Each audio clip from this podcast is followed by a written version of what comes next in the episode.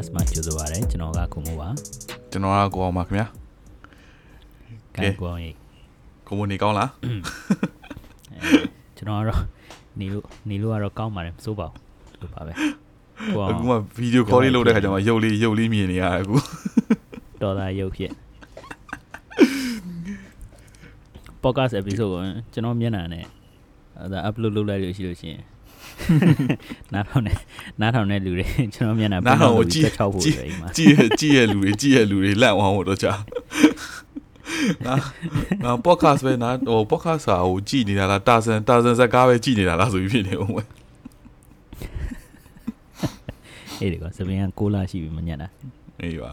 ကဲအဲ့တော့ဒီနေ့ငါတို့ရဲ့ဒါပေမဲ့ပြောတာဘာအကြောင်းပြောမှာလဲအေးပုတ်ငါတို့ကပြောတာပြောတာငါတို့ရဲ့မျက်နှာတွေဟိုဗာလဲဒီဓာတ်ပုံပါညာနဲ့ငါတို့ podcast ကို ဟိုဘာဘူး podcast episode မှာမတင်ဘူးเนาะ အေးမတင်ဘူးလေငါတို့နေရာမတင်ဘူးမတင်ဘူး อืมအဲ့ဒါမျိုးကြည့်ကျင်တယ်ဆိုပရိသတ်ကြီးတိုင်းကျွန်တော်တို့ comment ပေးလို့ရပါတယ် ကောင်း episode ကခုမှ comment စကြောင်ညာ ကောင်းမကောင်းမပေးကြမလို့မမပေးတဲ့တင်ပါပဲငါတို့မင်းပြန်လာတယ်ငါတို့တစ်ခုလို့ပြီးတော့ငါတို့တင်တော့တင်ပဲ ရပါဗျာရပါဗျာ ဒီကောက်တော့ကောင်းမမတောင်းတော့မထူးတော့ဘူး အဲ comment မတောင်းရပါဗျာဟုတ်ကဲ့ အဲ့တော့အဲ့တော့ကိုအောင်ရင်ကျွန်တော်တို့ဒီနေ့ဘာအကြောင်းပြောပါလဲလို့ပေါ့ဒီနေ့ကတော့ပြောမဲ့အကြောင်းရင်းကငါတို့ဟိုငါတို့လည်းဒီအချိန်မီလေးပေါ့နော်ဒီဖြစ်နေတော့ပေါ့နော်အဲငါတို့စဉ်းစားလိုက်တော့ဘာကြောင့်ပြောမလဲဆိုလို့ရှိရင်အခုလွန်ခဲ့တဲ့တစ်ပတ်ပေါ့နော်လွန်ခဲ့တဲ့တစ်ပတ်ကရုရှားကနေပြီးတော့ယူကရိန်းကိုဝင်ပြီးတော့တိန်းတယ်အဲ့တော့ငါတို့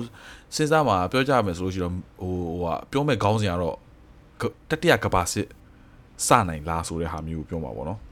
တော့ဘာလို့တိန်းလဲဆိုတာကိုငါတို့နည်းနည်းပြောကြမယ်ဘာဘူးပေါ့နော် history အကြောင်းလေးနည်းနည်း cover လုပ်မယ်ကွာဘာဖြစ်လို့လဲဆိုတော့တို့ကအကြောင်းအမှန်တကယ်ပြောလို့ရှိရင်အဲ့ပေါ့ဟိုအပေါ်ရန်ကကြည့်လို့ရှိရင်ရုရှားကတိမ့်တယ်လို့ပြီးတော့ဝင်သိမ်းတယ်လို့ပြောလို့ရပါမယ်ဒါပေမဲ့ဟိုတမိုင်းကြောင်းကလည်းနည်းနည်းခုနေခက်ခုနေဖြစ်တယ်ကွာကြည့်မလားငါ research ပိုင်းနဲ့မှလုပ်ကြည့်တော့နေပေါ့သူရကတကယ်သလား cold war အတွင်းထိတည်းကနေပြီးတော့ဒီပြဿနာဖြစ်နေတာအဲ့တော့စိတ်ဝင်စားဖို့ကောင်းတယ်အေးဟုတ်တယ် အော်ဒီအကြောင်းငါတို့อืมဆွေးနွေးကြမှာပေါ့နော်တတိယတတိယကဘာစစ်စမလားဒါပြီးတော့ခါကျတော့ရုရှားကဘာလို့ယူကရိန်းကိုသိမ်းလဲဆိုတာလေးကိုငါတို့တိုင်ပင်ကြမှာအေးပေါ့အဲတကယ်တမ်းတော့ဟိုဒီရုရှားယူကရိန်းနဲ့ဒီစစ်ဖြစ်တဲ့အကြောင်းရင်းပေါ့ဒီနေ့ episode ကအဲ့ဒီဥစ္စာကိုပဲဆွေးနွေးတာပေါ့အဓိကတော့အာအမေဆိုကိုအောင်ကိုအောင်လည်းအရင်စလိုက်ပါအဲ့ဟိုဒီရုရှားယူကရိန်းဒီဒီရုရှားယူကရိန်းကိုစပြီးတော့စစ်တိုက်ပြီဆိုတဲ့အချိန်မှာဘယ်ဘယ်လိုမျိုးဘယ်လိုမျိုးသတင်းသတင်းသတင်းကြားတာတော့ အဲ့တော့သတင်းကြားတဲ့အချိန်ကိုအောင်ပါလို့ ဒီကြားတဲ့အချိန်ကဘာဖြစ်လဲဆိုတော့ okay ပြောရလို့ရှိလို့ရှိရင် तू က build up ဟိုပါပေါ့နော်တော်ဟင်းဖြစ်နေပြီသိရမလားဟိုတကယ်စတဲ့ဝင်ပြီးတော့မသိငင်ကလေးอ่ะကွာရုရှားကနေပြီးတော့သူတို့ရဲ့စစ်တပ်တွေကိုဒီယူကရိန်းရဲ့ဘောနော်နေကြနေနားမှာနေကြသူတို့ယူကရိန်းရုရှားရဲ့နေသူတို့အိန္ဒိချင်းနေလေ အေး နား နေ မှာ ဆက် သူက နေဆက် နေဆက်တွေမှာသူတို့ကစစ်သားတွေကိုထားရတယ်ပြီးတော့အဒီပေါ့နော်တည်င်းတွေကလည်းမီဒီယာတွေကလည်းပြောနေကြတယ်နောက်တစ်ရက်လောက်နေနောက်နှစ်ရက်လောက်နေနောက်သုံးရက်လောက်နေလို့ရှိလို့ရှိရင် ဟိုပေါ့နော်ပူတင်ကနေပြီးတော့ဝင်ဝင်သိမ်းတော့မယ်ဆိုပြီးတော့อืมဖြစ်နိုင်တယ်မဟုတ်သူတို့ကပြောနေတာဖြစ်ကိုဖြစ်မယ်လို့ပြောနေကြတယ်ကွာတည်င်းကအမှန်ပြောလို့ရှိရင်အဲ့ဒါမျိုးကြီးလို့ရှိရင်တော့တိတာတာတစ်ခုကကြောက်လို့ဆိုမှသူတို့ရဲ့ဒီပေါ့နော်ဒီဟိုအနောက်အနောက်တိုင်းဘက်ကပေါ့နော်ဒီနိုင်ငံတွေရဲ့ဟိုပေါ့နော် intelligence ကကောင်းတယ်လို့ပြောလို့ရတာပေါ့နော်သူတို့က spy တွေ spy တွေပါရှိပါလိမ့်မယ်ငါထင်တာသိရမလားအဲ့ဒီကနေတော့တခြင်းလှမ်းပို့နေပါလိမ့်မယ်ဖြစ်တော့မယ်ဖြစ်တော့မယ်အဲ့တော့အဲ့တော့ဖြစ်လဲဖြစ်တော့ဘာလို့ငါဘာလို့လဲတော့ငါတခြားမမှတ်မိဘူးဒါပေမဲ့ငါစဉ်းစားလိုက်တော့ဟာဟိုတခြင်းမှာ တွေ့တာကဟိုပူတင်ကနေပြီးတော့ပြောတယ်ဘာပြောလဲဆိုလို့ရှိရင်ဒီအေးသူပေါ့နော်ဒီအာဒီယူကရိန်းရဲ့ဒီပေါ့နော်ဟိုနယ်ပိုင်းနှစ်ပိုင်းကိုရုရှားအောက်ကိုထည့်မယ်ပြီးလို့ရှိရင်ရုရှားကနေပြီးတော့ troop တွေနဲ့ယူကရိန်းကိုဝင်ပြီးတော့ဟိုပါတော့လွတ်လပ်ရေးပေးမယ်ပေါ့နော်သူကပြောတဲ့သဘောပဲလွတ်လပ်ရေးပေးတယ်ဆိုတဲ့သဘောမျိုးတော့ဖွင့်အေးတာပေါ့အေးပေါ့အေးပေါ့อืม peacekeeping အေးပေါ့ peacekeeping လို့အနေနဲ့ပြောတာအော်ဟာစဉ်းစားရတော့ကောင်းတယ်မှာ question တွေဆောင်းများသွားတယ်ဘာမှလည်းပြောလို့ရှိရင်ဘာလို့လုပ်တာလဲသိရမလားဘာဘာဘာစစ်ကူးရင်နေလဲ သိရမလားဘာလို့ကွာဒီ rush ukraine ကြောင်းကြီးကွာဟိုဟိုဒီအမှန်ပြောလို့ဒီ NATO လည်းပါတယ်ကွာ NATO ဆိုတာဘာလို့ NATO တွေဘာ NATO မှာဟို NATO ဆိုတာဘာလို့သူတို့ဖွဲ့ခဲ့လဲဘာလဲဆိုတော့ငါပြီးမှတော့မှရှင်းပြမယ်ကွာ NATO လည်းပါတယ် USA ပါတယ်လည်းပါတယ်ကွာပြောလို့ရှိလို့ရှိရင်ဒီပေါ်တော့ western western country တော်တော်များဒီ Ukraine ကိုထောက်ခံနေတဲ့ဟာကို तू က Ukraine ကိုဝင်သိမ်းနေဆိုတော့ဟိုလူတွေကထင်ကြမှာတည်းမှာစစ်ကိုစတဲ့သဘောမျိုးဖြစ်သွားကြတယ်သိရမလားပြောလို့ရှိလို့ရှိရင် အေးပေါ့အေးပေါ့အေးပေါ့အေးအော်ငါဘာလုပ်လဲဆိုတော့ဟုတ်အဲ့တော့ကဟုတ်အဲ့တော့ငါဘာလုပ်တော့ငါ stock ကောက်ဝယ် sorry စောင်းဝင်ကြောက်ဟောအေးပေါ့သူ stocks ကလည်းအကုန်လုံးကလည်းဈေးကျအဲ့ဟို Russian ရဲ့ဟို Russia stocks ရဲ့ဟို exchange rate ဒီသူတို့ဒီပတ်စံ exchange rate နဲ့ဒီ stocks နဲ့ရှိသမျှဥစားအကုန်လုံးအကုန်ထိုးချတာသူကဟိုသူက US ကလည်းဒီဥစားဖြစ်တဲ့အချိန်အတွက်ဟို sanction တွေပါတယ်သူတို့ကပြီးတော့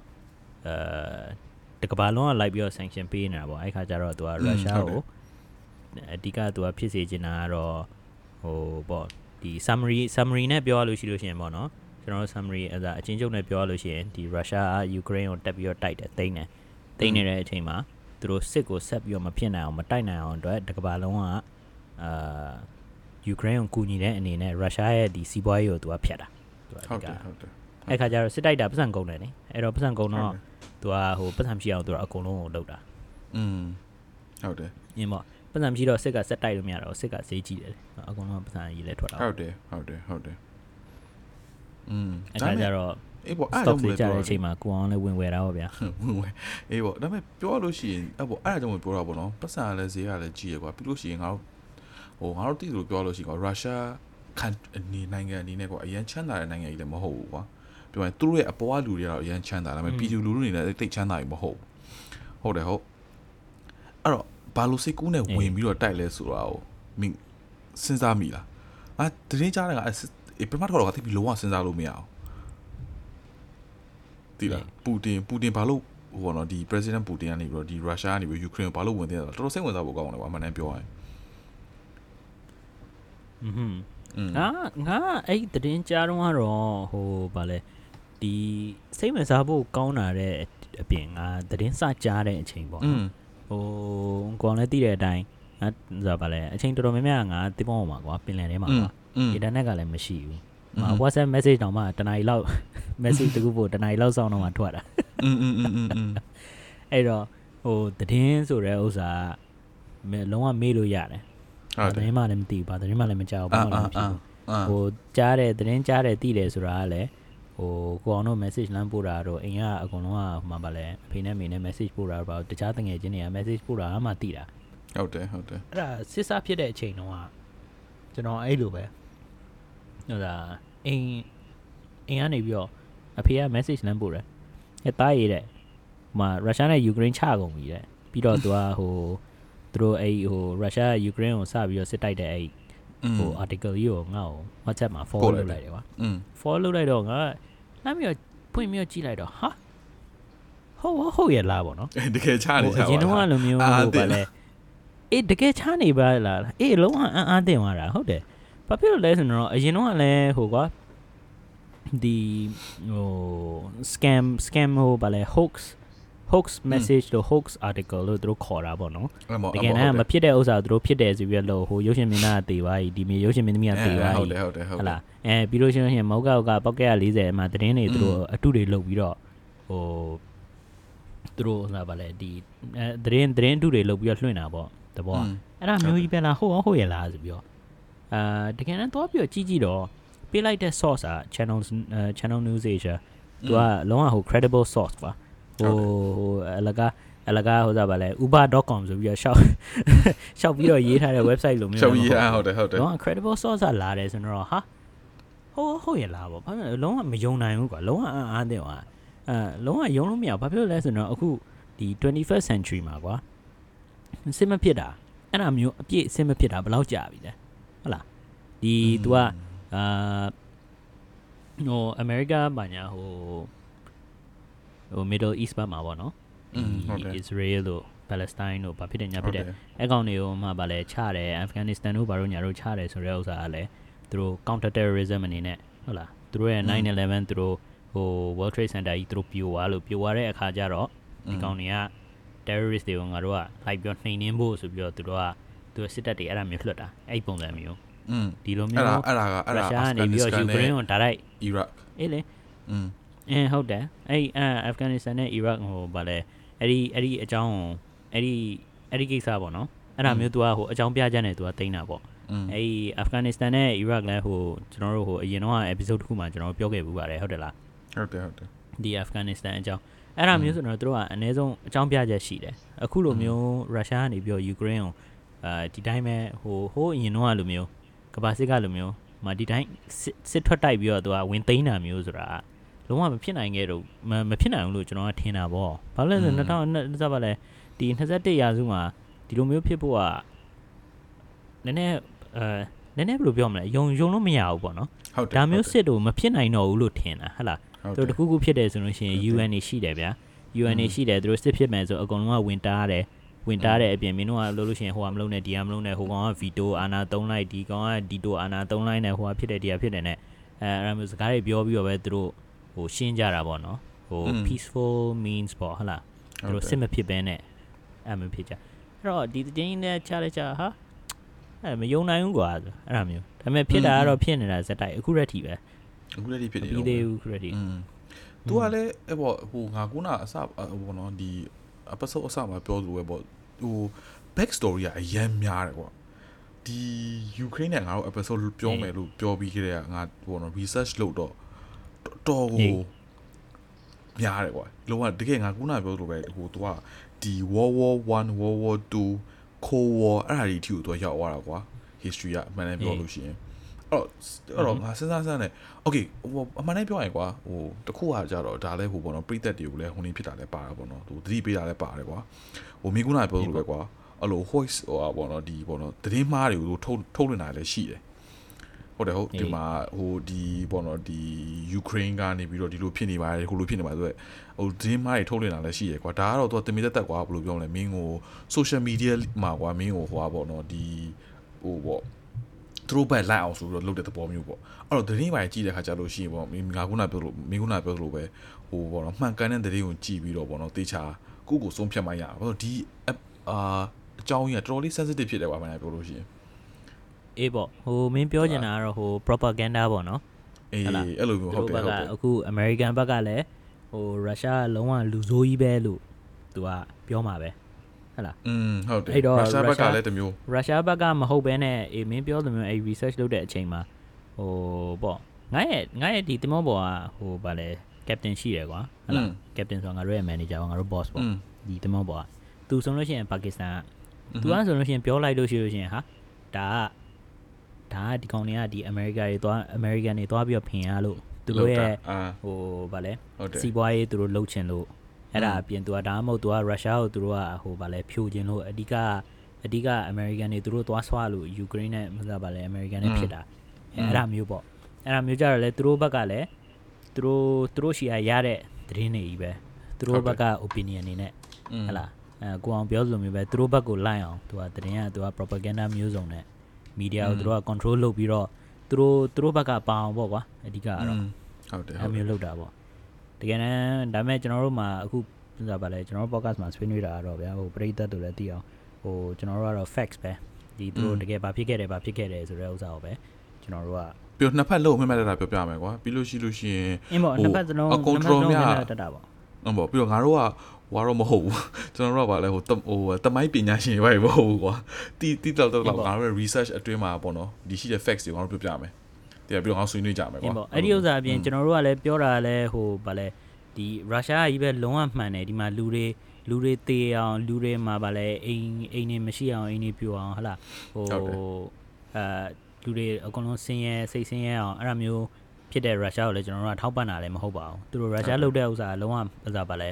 အဲလုံးဝမှားတယ်ဗျာဟုတ်တယ်လားอืมဟုတ်တယ်ဒီတော့အဲအဲ့ဒါမျိုးကျွန်တော်တို့အဲ့ဒါမျိုးရုရှားကိုလည်းထောက်ပံ့တာမဟုတ်ဒါပေမဲ့ဒီကျွန်တော်တို့အဓိကပေါ့နော်ဒီ just trying to make sense ဟိုဘာဖြစ်လို့ဒီလောက်ဒီလိုမျိုးဖြစ်သွားလဲပေါ့ဒီအထိဒီထိအခြေအနေကိုခြောက်သွားလဲဆိုတော့ဆိုတော့နည်းနည်းပါးဒီဆွေးနွေးကြည့်တာပေါ့ဟုတ်လားဟုတ်တယ်ဟုတ်တယ်အဲ့တော့မင်းတတိယကဘာစစ်အဲ့တော့ကိုအောင်ပြောပါကိုအောင်ဘလို့စိတ်ကူးရအဲပြောရမယ်ဆိုလို့ရှင်ပြောရမယ်ဆိုလို့ရှင်တော့မသေးကြဘူး မသေးကြဘူးဆိုတာအဲမသေးကြဘူးဆိုတာကဗျာအာအခုဒီတတိယကဘာစစ်ဆိုတော့ဟို idea ကိုပြောလိုက်တယ်ဆိုလို့ရှိလို့ရှိရင်နည်းကျွန်တော်အစင်းစင်းပေါ့နော်ဘယ်လိုမျိုးစတွေးလဲဆိုတာတကယ်ဖြစ်နိုင်လားဆိုနေတော့လေမဖြစ်နိုင်ဘူးလို့လည်းဘယ်သူမှပြောလို့မရဘူးလေဟုတ်တယ်ဖြစ်လားဆိုနေတော့လေဖြစ်နိုင်လားဆိုတာကလည်းအခုခေတ်ကြီးမှာကျွန်တော်အစအရုံးကပြောလို့မျိုးဟို UN တို့ဘာလို့ညာလို့ရှိသမျှတစ်ကမ္ဘာလုံးကအကုန်လုံးကစူပေါင်းပြီးတော့မဖြစ်အောင်တော့အကုန်လုံးစူးစမ်းကြမှာပဲ อืมอืม ဟုတ်တယ်လားအဲ့မဖြစ်အောင်တော့အကုန်လုံးစူးစမ်းကြမယ်ဘာဖြစ်လဲဆိုတော့အခုတတိယကမ္ဘာစစ်ဖြစ်တဲ့အခါကြလို့ရှိလို့ချင်းဟိုဗာလဲ तू ကအနုမျိုးလက်နက်မျိုးစုံနဲ့ तू ကဟို ဟိုဗာလဲဒါဒဏ်ရာရမယ့်အချိန်ဒီဒီဆိုဗာလဲ destruction ကပို့ပြီးတော့များမယ်ဟောကဘာပြတ်သွားနိုင်တဲ့အထိကိုဖြစ်နိုင်တယ်လားအဲ့ခါကျတော့အကုန်လုံးကလည်းစူပေါင်းပြီးတော့ဒီလောက်အထိမဖြစ်အောင်သူတို့ကတော့လုံးမှာပဲလေ อืม ဒါပေမဲ့မဖြစ်နိုင်ဘူးလားဆိုရင်တော့လည်းပြောလို့မရဘူး အခုလည်းမှကျွန်တော်ရုရှားယူကရိန်းနဲ့မှာစစ်မဖြစ်ဘူးဆိုပြီးတော့ကျွန်တော်စိတ်ထဲထင်တာဘတ်ဆိုပြီးတော့ကောက်ဖြစ်သွားတယ် อืมဟုတ်တယ်ဟုတ်တယ်อืม ဟုတ်တယ်လေအဲအဲ့ဒီဥစ္စာအပြင်အဲ့ဒီဥစ္စာအပြင်ဟိုမဖြစ်နိုင်ဘူးလားဆိုပေမဲ့လည်းကျွန်တော်စိတ်ထဲကတော့မဖြစ်စေချင်ဘူးပေါ့နော်ဟုတ်လား อืม အဲ့ဒါမျိုးပေါ့ဒီဒီလောက်ခေတ်ကြီးမှာအကုန်လုံးတိုးတက်လာပြီးပြီပဲပြီးတော့ဟိုးနောက်ပိုင်းနောက်ပိုင်းဟိုးဟိုဟိုးအရင်တော့လိုမျိုးဟိုဗာလဲရှေးခေတ်ကလိုမျိုးမှာစစ်တိုက်လိုက်လူတေလိုက်ဟာမင်းဟို ဟိုဗာလဲစစ်ကနိုင်သွားလို့ရှိလို့ရှင်စစဗာလဲစစ်ရှုံးတဲ့နိုင်ငံဟိုဟိုမှာဗာလဲ fight တက်လိုက်မှာပတ်စံနေပေးခိုင်းလိုက်ရှိတဲ့ဟိုဗာလဲမိန်းမတွေကလေးတွေအကုန်လုံးပြန်ပေးဆွဲလိုက်လှုပ်ချင်တာလှုပ်လိုက်ယောက်ျားတွေအကုန်တက်လိုက်အဲ့ဒါမျိုးအဲ့ဒါမျိုးဟိုဗာဖြစ်ခဲ့တယ်ဆိုတဲ့ဥစ္စာဟိုတကယ်လူမဟုတ်လို့ပဲကျွန်တော်စိတ်ထဲမှာပေါ့နော် อืมอืมอืมอืม ဟုတ်တယ်လေအခုခေတ်ကြီးမှာအဲ့ဒါမျိုးအဲ့ဒါမျိုးဖြစ်ဖို့အတွက်ကတော့မဖြစ်စေချင်ဘူးပေါ့ဒါပေမဲ့ อืม ဟိုဖြစ်မဖြစ်ကတော့လည်းအဲဘလို့မှပြောလို့မရဘူးပေါ့ အခုဟုတ်တယ်ရုရှားဒီယူကရိန်းကိုတက်ပြီးတော့ဖြစ်တာကြောင့်ဟိုဂျာမနီဂျာမနီကဟိုပထမကမ္ဘာစစ်လဲသူတို့စားဒုတိယကမ္ဘာစစ်လဲသူတို့စားအဲ့တော့သူတို့နှစ်ကောင်ကစပါစားပြီးသားကောင်ကအခုကဟိုပါတယ်ဒုတိယကမ္ဘာစစ်သူတို့ပြီးသွားတော့အကုန်လုံးကငြိမ်နေတာဆိုဘာမှလည်းမပြောဘူးဟုတ်ဒီတယ်ဟိုစားပါသူသူ့ရဲ့လက်နက်တွေလည်းအဲသူတို့ဟိုလက်နက်ပါညာလည်းမကင်ဘူးပေါ့ဟလားသူတို့ဒီသူတို့ရဲ့ဒီဟိုစားပါလဲစစ်တပ်စားပါလဲ size ဆို သူတို့ navy size ဆိုအကုန်လုံးကဒီဒုတိယကမ္ဘာစစ်ပြီးတော့သူတို့ရဲ့ agreement အရာအကုန်လုံးကသူတို့မှလက်နက်ပါညာမကင်ရအောင်ဒါပေမဲ့ဒီရုရှားယူကရိန်းဖြစ်သွားတာအတွက် ကိုင်တော့ကိုင်ပါလေ तू ကလည်း तू ကလည်းအဲ့နားမှာပဲနေတာလေဒီနားဒီနားကြီးပဲသူတို့ကခက်နီးနီးပဲဥစ္စာ อืมဟုတ်တ အဲ့ခါ ယ် ကျတော့ तू ကအဲ့ဒီဥစ္စာကိုအကြောင်းပြပြီးတော့ UN က power မရှိဘူးဟဟလားဒီလိုမျိုးစစ်ကိုတကယ်ဖြစ်မယ်ဆိုလို့ရှိလို့ရှိရင်ဟိုဒီရုရှားသမ္မတအတိုင်းပဲကဲငါငါဘာမှဒီကောင်မှဘာဘာစကားမှမပြောတော့ဘူးဘာမှလည်းခီးမဆိုင်ဘူး ငါတို့စစ်ဖြစ်မယ်ချမယ်ဆိုတဲ့အခါကြလို့ရှိရင်ငါတို့ကလက်နက်မရှိလို့ရှိရင်ဘယ်လိုမျိုးဘယ်လိုမျိုးကာကွယ်မလဲဘယ်လိုမျိုးခုခံမလဲဆိုပြီးတော့အခုဘယ်လောက်ဘီလီယံလဲမသိဘူး100ဘီလီယံလား112ဘီလီယံလားမသိအဲ့အဲ့ဟိုအဲသူတို့ပတ်စံပေါ့နော်ဒီသူတို့ရဲ့ defense သူတို့ရဲ့လက်နက်တွေနဲ့အတွက်ပဲအကုန်လုံးသူကလုံမယ်တဲ့อืมအဲ့အဲ့ဒီဥစ္စာတွေမကဘူးဗျာဒီဒီပေါ့နော်ကျွန်တော်တို့ဒီစင်ကာပူပဲကြည်အောင်စင်ကာပူကအဝေးကြီးဟလားရုရှားနဲ့ဟိုယူကရိန်းဘာညာနဲ့အဝေး အဝေးကြီးဖြစ်ပေမဲ့ဒီရုရှားနဲ့ယူကရိန်းဖြစ်တဲ့အချိန်ကစပြီးတော့ကျွန်တော်တို့ဒီစင်ကာပူအစိုးရကဘာလုပ်တော့ဒီမှာကျွန်တော်တို့ရဲ့ reservist တွေကိုအခုလာတာတိုးပေးလိုက်ပြီ อืมอืมอืมอืม NS man ပါညာဆိုတော့အဲ့ဒါမျိုးဆိုတဲ့ဥစ္စာလည်းဒီနည်းနည်းပေါ့နော်သူတို့ရှိတဲ့အချက်လက်နဲ့ပြန်ပြီးတော့ဆိုတာကြည့်လိုက်လို့ရှရင်ကောက်ချက်ချလို့ရတယ်ဒီကဘာကမတည်ငြိမ်ဖြစ်လာတဲ့အချိန်ကြာလို့ရှိရင်ဟိုကျွန်တော်တို့ရဲ့ဒီ reservice ပေါ့နော်ဒီဆိုတာ national service နည်းနည်းပြီးသွားလို့အကုန်လုံးက standby လုပ်နေတဲ့လူတွေကိုသူက ပြန်ဝင်ဖို့လစာပို့ပေးတယ်လစာပို့ပေးတယ်ဆိုတဲ့ဥစ္စာကကျွန်တော်တို့တွေကိုဒီ motivation ဟုတ်လားပို့ပြီးတော့ဟိုဗာလဲ fitness တွေပို့ပြီးတော့လုပ်နိုင်အောင်ပြန်ပြီးတော့ဟို national service ကိုပြန်ပြီးတော့ဝင်ကြအောင်သူတို့ဒီ motivation ပေးတာပဲ။ဘာဖြစ်လို့လဲဆိုသူတို့ကအင်းပေါ့အစိုးရအစိုးရအနေနဲ့ကတော့ဟိုသူ့ရဲ့ဒီ reserve force ပဲဖြစ်ဖြစ်ဒီ active force ပဲဖြစ်ဖြစ်ဟိုဘယ်လိုမျိုးဘယ်လိုမျိုးစစ်တပ်ပဲဖြစ်ဖြစ်ကိုသူက motivation ကတော့ပေးရမယ်လေ။ သူတို့လူတွေအကုန်လုံးကပို့ပြီးတော့ ready ဖြစ်ရမယ်ဆိုပြီးတော့စာလုံးတော်အဝေးကြီးဒီလိုမျိုးလုပ်နေတယ်ဆိုရင်တော့ Europe နိုင်ငံတွေအကုန်လုံးက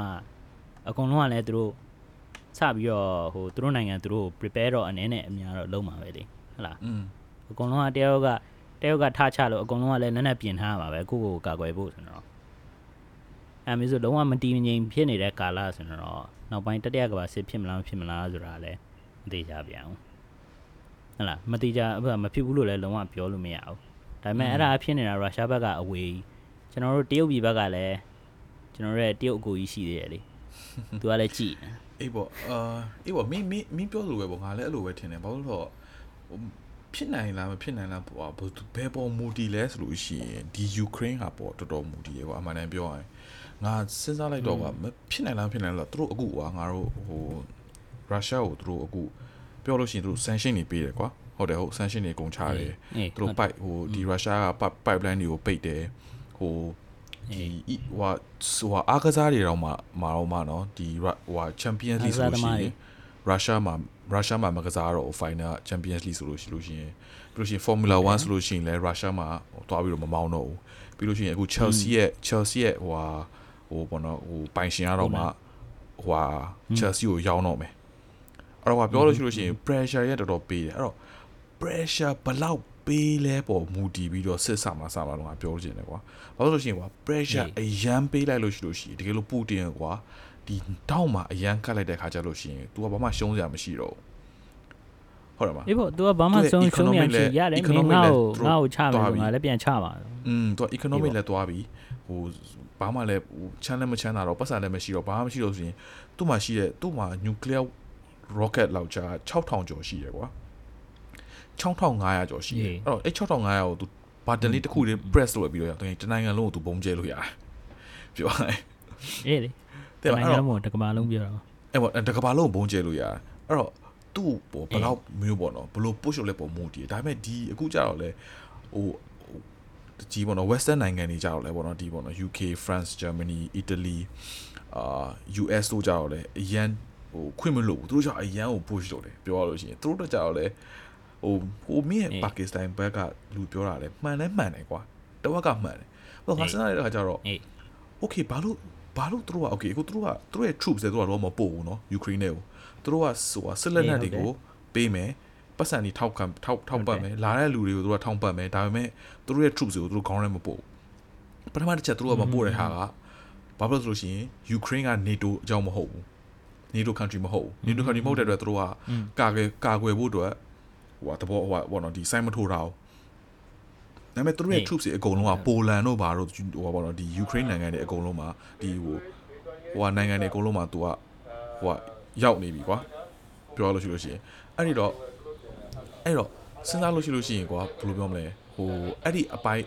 ဒီပေါ့နော်ဟိုမထောက်ပံ့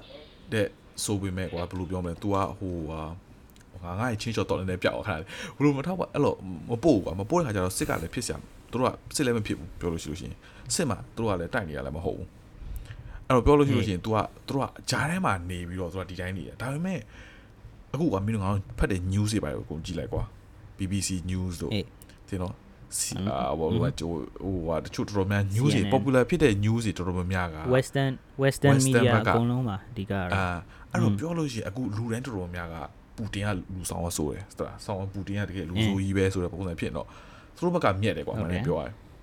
ပေါက်တော့ပါငါပြောတာအဲ့တော့သူတို့ကပြောလို့ရှိလို့ရှိရင်ကွာပူတင်ဘက်ကတိုက်တာမှားလားဆိုလို့ရှိရင်မှားတယ်ဒါပေမဲ့ပူတင်ကိုမတိုက်တိုက်အောင်ဟိုဘက်ကနေစွာပေးတာအေးငါထင်တာအဲ့လိုကောင်ငါထင်တာအေးပေါ့အေးပေါ့အေးပေါ့သူကစွာပေးတာစွာပေးခါကျပြောလို့ရှိရင်ကွာ sorry တော့ပြောလို့ရှိလို့ရှိရင်ကွာအခုကွာအခုဆို example အခုဟိုငါညီအငယ်ကောင်ကရှင်းပြကွာသူတို့ကဘာလို့စွခြင်းလဲဆိုလို့ရှိရင်ကွာဒီလိုစွပေးလိုက်ပြီးတော့ပူတင်ကိုလူဆိုးကြီးပုံစံလုပ်လိုက်တဲ့ခါကျတော့တကယ်လို့ကွာမင်းကစူပါမားကတ်ကိုမင်းသွားတယ်စူပါမားကတ်မှာ US product နဲ့ Russia product နှစ်ခုမင်းတွေ့တယ်မင်းဘယ် product ကိုဝယ်မလဲဘယ်ပစ္စည်းကိုဝယ်မလဲ อืม US ပစ္စည်းကိုဝယ်မယ် အေး အခုတကယ်လို့ကွာ Chelsea Chelsea ရဲ့ owner ကနေတော့ဟွာ Chelsea ကိုရောင်းတော့မယ်ဟုတ်တယ်နော်အဲ့ဒီအချိန်မှာဈေးဈေးကနည်းနည်းခပ်ပေါ်ပေါ်နဲ့ရောင်းအောင်ပါပဲလေဘာလို့ तू ကသူ့သူ့ဟိုဟာဘန်လို့ပါပါဖြစ်မှာဆိုလို့အတွက် ဈေးကနည်းနည်း short ပြီးရောင်းတဲ့ခါကျလို့ရှိရင်ဘသူတွေကဝင်ပြီးတော့ဝယ်မလဲတင်မလား US businessman တခြား businessman တွေဝင်ဝယ်မယ်သူတို့ကမြက်တယ်ပြောပေါက်လားအာသူတို့စီးပွားရေးတော့ကြောက်သူတို့ဘက်ကအရန်တိုးတက်သွားပြီးတော့ Russia ဘက်ကအရန်ကိုထိုးကြသွားပြီအခုကြတော့ အေးလေအေးလေအေးလေ อืมအဲ့တော့အဲ့ဒါကို အဓိ ပူ က တင်ကမမြင်လိုက်တာ စီးပွားရေး က အရာ အားတဲ့ ပေါ့ ပူတင်ကအဲ့ဒီကိုမမြင်တာကအားတဲ့ပူတင်ကကွာအရင်တော့ဆိုလို့ရှိရင်အရင် smart အရင်ညံကောင်းတဲ့ကောင်ဆိုပြီးသူကအရင်ပြောနေကြတာကွာဒါပေမဲ့အဲ့ဒီကို तू မမြင်လိုက်တာကအားအားတဲ့ အဲ့ဒါကြောင့်မို့ငါလည်းအားအားတဲ့ อื တာ มอืม ပြောလို့ရှိရင် อืมอืมอืมအေးပေါ့သူ့အတွက်ကစဉ်းစားလိုက်လို့ရှိလို့ရှိရင်လည်းဟိုပေါ့နော်ဒီ history အရာပေါ့ อืม အခု ဟုတ်တယ် သူတို့တွေ Middle East မှာ America စစ်ဖြစ်ဖို့အတွက်ပါညာဆိုတော့လေသူတို့သူတို့အဲ့အတိုင်းပဲဒီအခု Ukraine နဲ့ဖြစ်တဲ့ဥစ္စာနဲ့သူကခတ်စင်စင်ပဲသူက Turkey ရှိတယ်ဟုတ်တယ်မလား ဟုတ်တယ် Turkey ကိုသူက UN nation လိုမျိုးသူကလှုပ်လိုက်တယ်လှုပ်လိုက်တော့သူတို့က okay NATO တို့ UN တို့ဘာလို့လဲပါသွားတယ် ပါတော့ American တွေကသူတို့ ally တွေဖြစ်တယ်ဆိုပြီးတော့သူတို့က American base ဆိုတက်ပြီးမှစောက်စောက်ပြီးတော့သူက missile တွေသူအဲ့ထဲမှာထားလက်နက်တွေထားထားတော့ဟိုဘက်ကအာဖဂန်နစ္စတန်တို့ဘာလို့ညာတော့အဲ့ကနေပြီးတော့တက်ကီကနေတဆင့်ကနေပြီးတော့ဝင်ဝင်ချတာ哦သူတို့ကအင်းဟအဲ့ဒါမျိုးအခြေကျသွားပြီကွာအဲ့ဒီဥစ္စာကပူတင်မြင်တာကသူ့အတွက်ကပေါ့နော်ဒီ UN နဲ့ဒီသူတို့ G20 တို့ဘာတို့ညာတို့ရှိသမျှ meeting တွေထဲမှာ သူ သူ့ရဲ့ justification ကိုပေါ့နော်သူပြောတဲ့ဒီစင်ကြီးစင်လက်ကိုကြည့်လိုက်တယ်ဆိုလို့ရှိရင် तू ကအဲ့ဒီကိစ္စကိုပဲအဓိကပြောတာမင်းနဲ့ तू ကယူကရိန်းကို तू ကအရင်ဆုံးပြောတာမင်းအမေရိကန်တွေဘက်ကိုမလိုက်နဲ့တဲ့ ဟုတ်တယ် ငါတို့လည်းမင်းကိုဘာမှမလုပ်ဘူးပေါ့ อืม ဒါပေမဲ့အဲ့ဘက်ကိုမလိုက်နဲ့လိုက်လို့ရှိလို့ရှိရင်မင်းဘက်ကဟိုဗာလဲသူတို့ဘက်ကပါသွားပြီဆိုလို့ရှိရင်သူတို့အမေရိကန်ဘက်ကအခြေတစ်ခုကကြာသွားပြီလေသူတို့ဘက်က ဟုတ်တယ် အစတော့ကကျွန်တော်တို့ခုနကပြောလိုမျိုးဒီ Soviet Union ဆိုပြီးတော့ USSR ဟုတ်တယ်လားဟုတ်တယ်ဟုတ်တယ်အဲ USSR ဆိုတော့ဥစ္စာမှာ Cold War ဖြစ်တဲ့ကာလ Cold War ဆိုတာကတော့ဗျာမှာပြောလိုက်တယ်ဆိုလို့ရှိရင်ဒုတိယကမ္ဘာစစ်ပြီးသွားပြီဒုတိယကမ္ဘာစစ်ပြီးသွားတော့ရုရှားက super power ပြီးတော့ nuclear weapon တွေလည်းသူတို့ရှိမှရှိတယ်ရှိတော့မှအမေရိကကလည်းသူတို့ရုရှားနဲ့ချမလားဟိုဟာဖြစ်တယ်တရားဖြစ်တယ်ရုပ်ရှင်တွေထဲမှာလည်းကြည်ဘူးမှာပေါ့อืมမှာသူတို့ spy မျိုးစုံနဲ့ KGB သူတို့ရဲ့နဲ့သူတို့ရဲ့ CIA နဲ့ ideology ကလည်းကွာတယ်ကွာတတခုကကြာလို့ရှိလို့ရှိရင် communist ဟိုပါဘောဒီ communist တခုကကြာတဲ့ခါကျတော့ဒီဟိုပါဘော capitalist ဆိုတော့ ideology ရယ်ကွာတယ်အဲ့တော့ ideology နှစ်ခုကိုအပြိုင်ပေါ်လုပ်နေကြတာအင်းပေါ့အဲ့ဒါမျိုးနဲ့သူတို့အပြိုင်ဆိုင်နဲ့သူတို့ super power နှစ်ခုကပြိုင်တော့ cold war ကာလဆိုပြီးတော့ဖြစ်လာတယ်အဲ့ cold war ကာလမှာ USSR နဲ့ US ကလုံးဝပြိုင်တာဒါပေမဲ့ USSR ကွဲသွားတယ်ပြီးတော့ဟုတ်လား USSR ကွဲသွားတဲ့အခါမှာအခုကျွန်တော်တို့သိတဲ့ Russia က Mother Russia ဆိုပြီးတော့သူတို့ဖြစ်သွားတယ်အဲ့ဒါပြီးတော့သူတို့ရဲ့အဲ့ Ukraine ဆိုပြီးတော့တခြားနိုင်ငံမျိုးစုံနဲ့ ယူကရိန်းတို့ချက်တို့ဟုတ်လားပိုလန်တို့အင်းပေါ့အင်းပေါ့အကုန်လုံးအင်းပေါ့ကျွန်တော်မြန်မာပြည်မြန်မာပြည်နဲ့ example ပဲထားတယ်ဆိုလို့ရှိလို့ရှင်ဟိုဗာလဲကျွန်တော်တို့တိုင်းနယ်ပြည်နယ်တွေအကုန်လုံးကကွဲသွားတယ်ဗျာဒီမှာရန်ကုန်ကရန်ကုန်ဆိုပြီးတော့သူကရန်ကုန်တိုင်းဆိုပြီးတော့ကြံခဲ့တယ်ဒီမှာရှမ်းပြည်တို့မွန်ပြည်တို့ကအဲ့မှာသူတို့ကွဲသွားတယ်အဲ့ဒါသူတို့ကလုံးဝဟို independent nation ဆိုပြီးတော့သူကအဲ့ဒါမျိုးဖြစ်သွားတာပေါ့နော်အဲ့ဒါမျိုးပေါ့အဲ့ခါကြတာကိုအဲ့အဲ့ခါကြတော့အဲ့ဒီ independent nation ဒီအသေးလေးတွေအကုန်လုံးကရုရှားပတ်ပတ်လည်မှာသူက ကာဘာလိုမျိုးဖြစ်နေနော် तू က ဟုတ်တယ်ဟုတ် ဂျာ တယ် သူတို့ဝိုင်းထားတာဟုတ်လား อืม အမေရိကန်ကဓာတ်ရိုက်ဟိုအမေရိကတို့တခြားဟိုဗာလဲ west ဘက်ကအကုန်လုံးကဓာတ်ရိုက်သူတို့ဟိုအဆက်အနွယ်မရှိဘူး ဟုတ်တယ် အဲ့ရုရှားကိုဓာတ်ရိုက်မလာမရောက်ဘူးပေါ့နော်ရုရှားကိုရောက်ကျင်တယ်ဆိုလို့ရှိရင်ဒီဒီကောင်တွေရှီကနေပြီးတော့ तू က ဖြတ် ဖြတ်ရမှာ ဟုတ်တယ် အေးပေါ့အဲ့တော့ Ukraine က NATO ဟို organization နဲ့ကိုသူကဝင်သွားတယ်ဆိုလို့ရှိလို့ရှိရင်သူကဖြတ်တဲ့နေရာကိုသူကရောက်သွားပြီအဲ့ခါကျလို့ရှိရင် သူတို့ကဟိုဂျားမှာဂျားကန်မရှိတော့ဘူး ဟုတ်တယ် ရုရှားနဲ့ direct တွေ့ပြီ อืม အဲ့ခါကျတော့ NATO ဝင်သွားတယ်ဆိုလို့ရှိရင် American ကလည်းသိတဲ့အတိုင်းသူကလန်ဒန်တရောဟိုဟာတွေရောဒီဟာတွေရောသူကထားတော့မှာလေ อืมဟုတ်တယ် ဟင်းပေါ့ထားရင်လည်းထားမှာပေါ့မထားရင်လည်းမထားဘူးသူမှမပြောနိုင်ဘူးပေါ့ဒါပေမဲ့ อืม ရုရှားကအဲ့ဒီဥစ္စာကိုသူကအဖြစ်မခံကျင်တာအဓိက ဟုတ်တယ် အဲ့ဒါ ဟုတ် မျိုး တယ် ပေါ့ อืม အဲ့ဒီဥစ္စာအပြင်ကျွန်တော်တို့ဟိုဒီ research လုပ်တော့ဗျာအဲ့ဒီရုရှားနဲ့ဒီ Ukraine နဲ့ဟိုဗာလဲ မှာကတ်နေတဲ့နေဆက်ဘာညာမှာဆိုသူတို့မြို့လေးတွေရှိတယ်အဲ့ဒီမြို့လေးတွေဘာညာကလည်းသူတို့အဲ့ Ukraine ကနေပြီးတော့စီးတဲ့မြစ်အဲ့ဒါမျိုးမြစ်တွေနဲ့သူကဟိုလေလေဆိုင်တာတို့လေထွန်တာတို့ဘာလို့ညာတို့အဲ့ဒါမျိုးဟိုစားပါလဲအဲ့ဒီမြစ်ပေါ်မှာမိခိုပြီးတော့လောက်ရတာဗျာဟုတ်လားဟုတ်တယ်အဲ့ဒီဥစ္စာကိုလည်း Ukraine ကလည်းရုရှားကိုသူကလုံးဝဆန့်ကျင်တဲ့အနေနဲ့သူကရေကာတာစောက်ချပလိုက်တယ်อืมရေကာတာစောက်ချပလိုက်တော့ဟိုအဲ့ဒီသူတို့အဲ့ အဲ့မြစ်ကိုမိခိုနေတဲ့လူတွေရုရှားဘက်ကကောင်းတွေကရေမရှိတော့ဘူးရေမရှိတော့သူတို့ကလဲလဲစိုက်လို့မရဘူးအဲ့မြစ်ကတောက်စရာရေတမ်းမရှိတော့ဘူးဆိုပြီးတော့ရုရှားကိုဖျက်လို့လားအဲ့ရုရှားအဲ့နယ်စပ်အဲ့မြို့ပါညာကိုသူတို့ရောက်တယ်အော်မြို့နာဒါပေမဲ့ဒါကတော့ဟိုဒီအင်းပေါ့အဲ့အဲ့ဒါမျိုးဆိုတော့ဒီ data တနေရာပဲပေါ့ဒါပေမဲ့အဲ့ဒီဥစ္စာကလည်းဟိုဗာလဲအကြောင်းပြချက်တွေထဲမှာ reason တွေတဲကတစ်ခုလောက်တစ်ခုလောက်ပဲပါတာပေါ့အဓိကကတော့သူတို့ပြောတာကတော့ဒီ defense ပေါ့နော် ဒီမှာကာကွယ်ရေးအနေနဲ့အဲ့ဒါမျိုးနဲ့ဟိုအဲ့ဒါအဓိကဆိုပြီးတော့ပူတင်ကသူကလည်းယူကရိန်းကိုပြောလို့မရဘူးပြောမရဘူးပြောမရတဲ့အပြင်အာသူကဒီဥစ္စာကိုလည်းဟိုတားကလည်းတားရမယ်ဆိုတော့အမတက်ချကြတော့သူကအင်းအင်းအတင်းပေါ့နော်ဟုတ်လားအင်းအဲ့မျိုးနဲ့ပဲအဲ့ဒါမျိုးဖြစ်သွားကြတာပြီးတော့သူကလည်းအာထင်ထားတဲ့ပုံစံပေါ့နော်ဒီကျွန်တော်တို့သတင်းမျိုးစုံမှာဗာလဲသတင်းမျိုးစုံကြည့်လိုက်တယ်ဆိုတော့ western media တွေမကောက်တခြား media တွေမှာကြီးလိုက်တယ်ဆိုလို့ရှိရင်လည်းဒီတိုင်းပဲသူတို့ကပေါ့နော်ဒီဘယ်လိုပြောမလဲဒီ rush ဒါဗလဲဒီ western media ကတော့သူတို့ဘက်ကဗတ်လိုက်တာပေါ့သဘောကတော့အញ្ញံဗတ်လိုက်တာပေါ့လားဟုတ်တယ်ဟုတ်တယ်ရုရှားကတော့လုံးဝလူဆိုပဲဘာညာပေါ့အဲဒါပေမဲ့အဲ့ရုရှားဘက်ကလည်းဒါဗလဲကြည်ရလို့ရှိလို့ရှိရင်ဟိုသူတို့ဘက်ကလည်းဘာဘာ choice မှတိတ်ပြောမကြံတော့ဘူးဗျာဟုတ်လားอืม အဲ့မျိုးပုံစံနဲ့အဲ့ဒါမျိုးနဲ့သူစားပါလေ तू ကလည်းစစ်တိုက်မယ်ဆိုပြီးတော့ तू ကစတိုက်တာပေါ့ကျွန်တော်ကျွန်တော် research လုပ်တဲ့ဥစ္စာနဲ့သူတို့တွေ့တွေ့တဲ့ဥစ္စာပေါ့နော်ဒီတွေ့တဲ့အချက်လက်တွေက तू ကအဲ့ဒါမျိုးနဲ့ तू ကစစ်တိုက်တာတိုက်တဲ့ဥစ္စာသူတို့ plan အတိုင်းဆိုလို့ရှိရင် तू က မြန်မြန်စစ်ဖြစ်တာပြီးသွားလို့ရှိရင်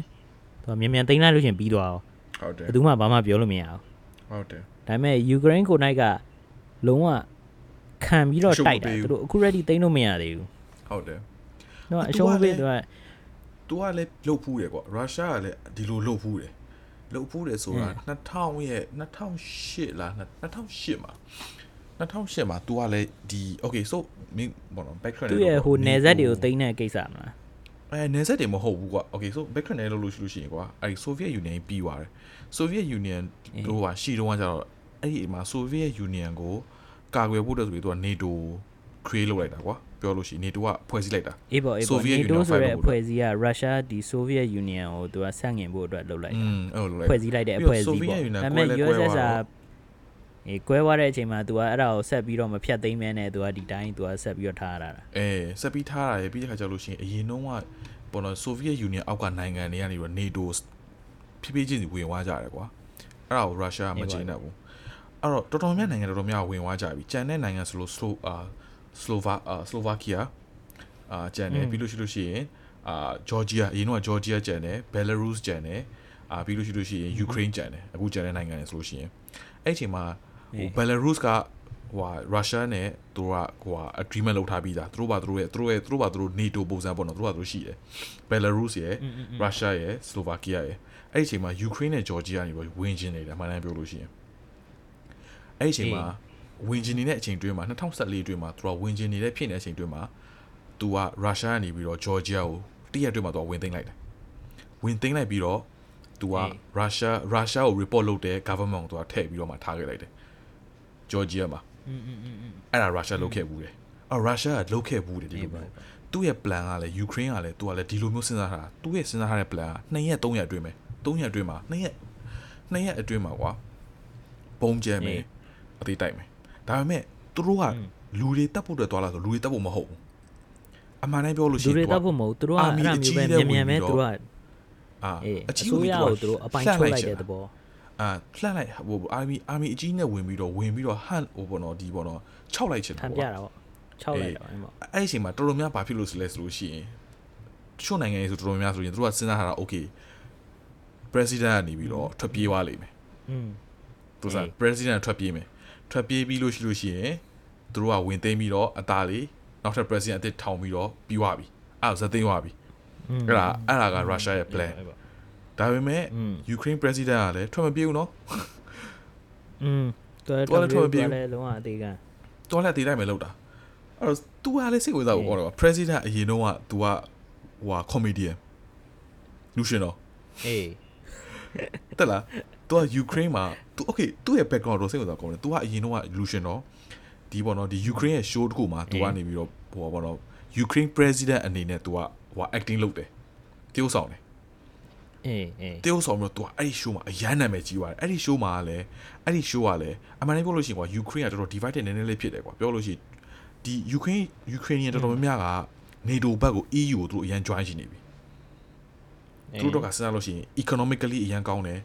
တိုးတက်မယ်သိတယ်မလား Russia ဘက်သူတို့ကလုံးဝမသွားချင်ဘူးဘာလို့လဲ USS မှာတော့ဆိုလို့ရှိရင်ကွာ Ukraine ကအရန်ခံစားရတာ US မှာတော့မင်းကလည်းဒီပေါ် Russian တွေကနေပေါ် Ukraine ကိုအသေးတက်ပစ်တယ်သူတို့ကဒီပေါ်တော့ပြီးတော့အရန်လဲဟိုပေါ်ဆင်းရဲတယ်ပါဆိုသူတို့ကဟို EU ဘက်ကိုသူကအရန် join ချင်နေပြီအဲ့တော့ဒီအဲ့ဒီအေးပေါ့အဲ့သူတို့ Show ရုရှားရတယ်လက်အောက်မှာသူတို့မတိုးတက်ခဲ့ဘူးပေါ့အဓိကအေးဟုတ်တယ်အော်အဲ့ဒီ show မှာလည်းအဲ့ဒီဒီအခုဖြစ်နေတဲ့ president ကနေသူကဟာတာအနေနဲ့အဲ့ဒီ show မှာသူကလည်း president လုပ်ပြီးတော့ EU ကို join တဲ့ပုံစံသူကလုပ်ခဲ့တာ ပြီးတော့အဲ့ဒီ show ကအရန်နာမည်ကြီးသွားတယ်အဲ့ဒီမှာပြီးလဲပြီးတော့သူကနေပြီးတော့တမနာလောင်းအနေနဲ့ဝင်ပြီးတော့ပြိုင်တာသူကအဲ့စိတ်တော့ဝင်စားဖို့ကောင်းတယ်သူက politician မဟုတ်ဘူးသူကလူရှင်တော့အင်းအင်းအင်းအင်းအဲ့တော့စိတ်တော့ဝင်စားဖို့ကောင်းတယ်လားပြီးတော့သူ့ရဲ့သူ့ရဲ့ voting ကလည်းသူ့ရဲ့ opposition နှစ်ခုပေါ့နော်နှစ်ခုရဲ့ဟိုမှာသူကလည်းသူ့ရဲ့ voting က75%အဲ့လူတွေတော်တော်များသူ့ကိုကြိုက်တယ်လို့ပြောလို့ရတယ်အင်းအင်းအေးပေါ့အေးပေါ့အေးပေါ့အေး ပြီးတော့သူ့ရဲ့ဟိုပေါ့နော် social media game ကလည်းအရင် strong ဖြစ်တယ်ပြောလို့ရှိရင်အဲ့ဒါတွေကစကားနည်းနည်းစကားနည်းနည်းပြောသွားတာ president မျိုးစုံမှပါ social media မှာသူ on တဲ့ဥစ္စာနေ့တိုင်းမှာသတင်းမှာတွေ့ရတယ်ဟုတ်တယ် report လုပ်တဲ့ဥစ္စာအကုန်လုံးကသူကအေးသူတယောက်တည်းပဲ social media မှာသူက show business ကလာတဲ့ background ကလာတယ်ဆိုတော့အဲ့ဒီ social media တော့ဟာတော့သူကအရန်ကျွမ်းတယ်မှန်တယ်ပြောရရင်อืมအဲ့ဒါစိတ်ဝင်စားဖို့ကောင်းတယ်သလားအအခုငါတို့တွေရဲ့အခုခေတ်ကလေစစ်ကြီးပဲတိုက်လို့မရဘူးကွာ ဒီတိုင်းမှာဗာလဲဒီဒီစားဗာလဲဒီ on the ground သူစစ်တိုက်တာအပြင်အခု social media မှာလည်းသူကစစ်ပွဲရတခုက ဟုတ်တယ် ဝင်နှွှဲရသေးတယ် ဟုတ်တယ် social media ကစစ်ပွဲကမနိုင်လို့ရှိလို့ရှိရင်လုံးဝရှုံးပြီပဲဟုတ်လား อืม သူတို့ကဒီ အဲ့ဒါ ဒီဥစ္စာဒီ ငါတငယ်ချင်း social media စစ်ကတဝက်ပဲလေ ဟုတ်တယ်ဟုတ်တယ် อืม ငါတငယ်ကခုနပြောနေတာ soft power ငါတို့ဟိုဒီ social media ဘာလို့ဆိုရင် soft power လို့ခေါ်လို့ရတယ်ကွာ soft power ရဲ့ hard power ရှိတယ်ကွာ soft power ဆိုတာပြောတဲ့ power ပေါ့ပြောတဲ့ soft တဲ့ power soft power ဆိုလို့ရှိရင်ဒါကတော့ social media ရဲ့ဘက်မှာပြောလို့ရတယ်ဟို culture လို့ပါလူတွေရဲ့လူတွေရဲ့နှလုံးသားတွေကိုလိုက်ပြီးတော့อืมအော်ငါသူ့ကိုပြောပြတာတကယ်လို့မင်းစဉ်းစားကြည့်လိုက်လို့ North Korea နဲ့ South Korea တကယ်လို့ဒါ North Korea နဲ့ South Korea ဝင်သိမ်းလို့ရှိလို့ရှိလို့ရှိရင်ဟေ့တကဘာလုံးမှာရှိတယ်ပေါ့နော်ဒီပေါ့အမှန်တကယ်ဒီပေါ့ K-pop ကို support လုပ်တဲ့ကောင်မလေးတွေပါအကုန်လုံးကသူတို့ကသူတနက်ကင်ဝင်ပြီးတော့တိုင်တိုင်မှာနော် ငါပြော okay ငါပြောပြတယ်မှာငါသူဒီကောင်ကဒီကောင်လည်းသူကလည်းစစ်တပ်မှာကွာဟိုဟိုဟာစင်ကာပူစင်ကာပူစစ်တပ်မှာငါသူ့ရှင်းပြတာအော်မင်းစဉ်းစားကြည့်လို့အဲ့လိုဖြစ်မှာမင်း uniform ကဘာလဲဆို Blackpink ရဲ့ဟိုဘောင်းမီတို့နဲ့မင်း tank top မယ်သူကအဲ့လိုပြောလို့တည် Black Pink in the area BTS ကလည်းသူ့ရဲ့သူ့ရဲ့ fandom နာမည် Army ဆိုတည်မှာဝင်ပြီးတိုက်တယ်ငါပြောငါပြောပြတည်မှာ BTS army စပင်းအယောင်မျိုးစုံနဲ့သူတို့ကလက်နက်ကင်ပြီးတော့ချမှာအဲ့ပြောအဲ့တော့ social media ကလည်းအရေးကြီးလာတယ်လား အေးပေါ့အေးပေါ့အေးပေါ့သူအခုကစစ်ပွဲကဒီ social media မှာလည်းနောက်တစ်ခုတိုက်ဖို့ကတိုက်ပွဲအဲ့ဒါကြောင့်ဟိုဗာလဲဒီပေါ့နော်သူတို့တွေဒီဒီအခု Russia နဲ့ Ukraine ဖြစ်တဲ့ကိစ္စကိုသူတို့ compare လုပ်တာ compare လုပ်တာဘာနဲ့ compare လုပ်လဲဆိုတော့ဒီပေါ့နော်သူတို့ဟို Middle East မှာဖြစ်တဲ့ကိစ္စတွေဟုတ်တယ်ဟုတ်တယ်ဟုတ်တယ် Palestine တို့ Israel တို့ Afghanistan တို့ဘာညာဖြစ်တဲ့အခါကျလဲလူတွေအများကြီးတေတာပဲဟုတ်တယ်ပြီးတော့ တက်ခိုင်းတဲ့ဥစားပေါ့တက်နေတဲ့ကောင်တွေကလည်းဒီအမေရိကကောင်တွေကြီးပဲသူတို့ဘုံမျိုးစုံကျဲတယ်အဲ့ခါကျရင်ပြည်သူလူထုတွေတပုံကြီးမဲ့တေသွားတာပဲသူတို့အိမ်နေမရှိတော့အိမ်နေပြက်တယ်အိမ်နေပြိုတယ်နေစရာမရှိဘူးအစားအစားတွေလည်းငတ်တယ်လူတွေတေတာနဲတာမှမဟုတ်တာဟုတ်တယ်ဒါပေမဲ့တကဘာလုံးကဘာပြောလဲဘာမှမပြောဘူးအကုန်လုံးကငြိမ်ဟုတ်တယ်တိတောင်မတိတိတဲ့ဥစ္စာဆိုတာကလည်းသူတို့သတင်းပို့တာလောက်ပဲတိတာဟုတ်တယ်အဲ့ဒါအပြင်ဟိုဘက်ကဒီအမေရိကန်တွေသတင်းတော်ယူကရိန်းလောက်ကိုမပို့ဘူးလေอืม မပို့တဲ့အပြင်ဗျာဒီ social media platform အကုန်လုံးက Facebook စဉ်းစားကြည့်အောင် American ကအုံးတာ Twitter American ကဟုတ်လား Instagram American က Snapchat American ဟုတ်တယ်ရှိသမျှဥစ္စာအကုန်လုံးက American ကထုတ်တဲ့ media တွေအကုန်လုံးပဲဟုတ်တယ်သူ American နဲ့စစ်ဖြစ်တဲ့ကာလမှာသူတို့တွေကသာပေါ့နော်ဒီ company ပိုင်ရှင်တွေအကုန်လုံးကဟာမင်းမင်းအောင်ငါတို့ကသတင်းအမှန်ပဲပို့မယ်ဆိုသတင်းအမှန်ပဲပို့ပေမဲ့ဟို American American American နိုင်ငံမှာ လာပြီးတော့ operate လုပ်နေတဲ့ကောင်တွေကမှလူ2ယောက်2ယောက်3ယောက်4ယောက်လောက်မှတနက်ကင်ပြီးတော့ကဲမင်းလုပ်မလား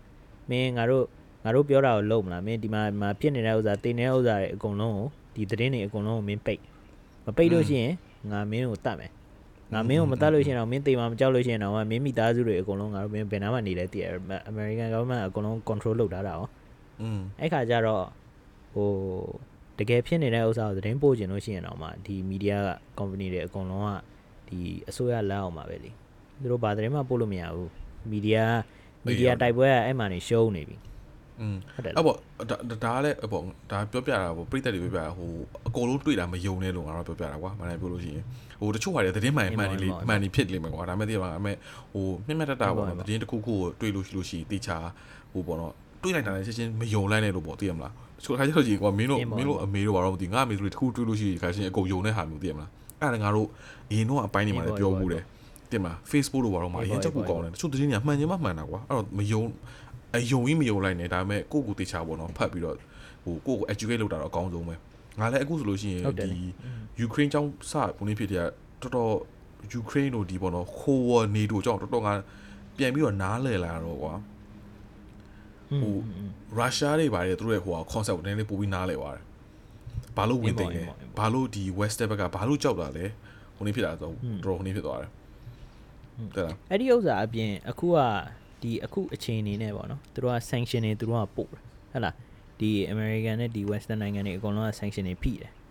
sanction မျိုးစုံနဲ့ဖိတော့သူတို့စီးပွားရေးတွေလုပ်လို့မရဘူးဘန်တွေပိတ်တယ်ဟုတ်တယ်စီးပွားရေးတွေလုပ်လို့မရဘူးဘန်တွေပိတ်တယ်ပြီးသွားလို့ရှိလို့ရှိရင်အဲ social စီးစီး media တွေလည်း ရိုက်ထုတ် သူ တာ တို့ ပါ ပိတ်တယ် Facebook တွေလည်းပိတ်တယ် Twitter တွေလည်းပိတ်တယ်ဘာညာဆိုဒါပေမဲ့ရုရှားဘာညာဘက်က media ကို control လုပ်ထားတာမှမဟုတ်တာတရုတ်ပြည်လိုမျိုး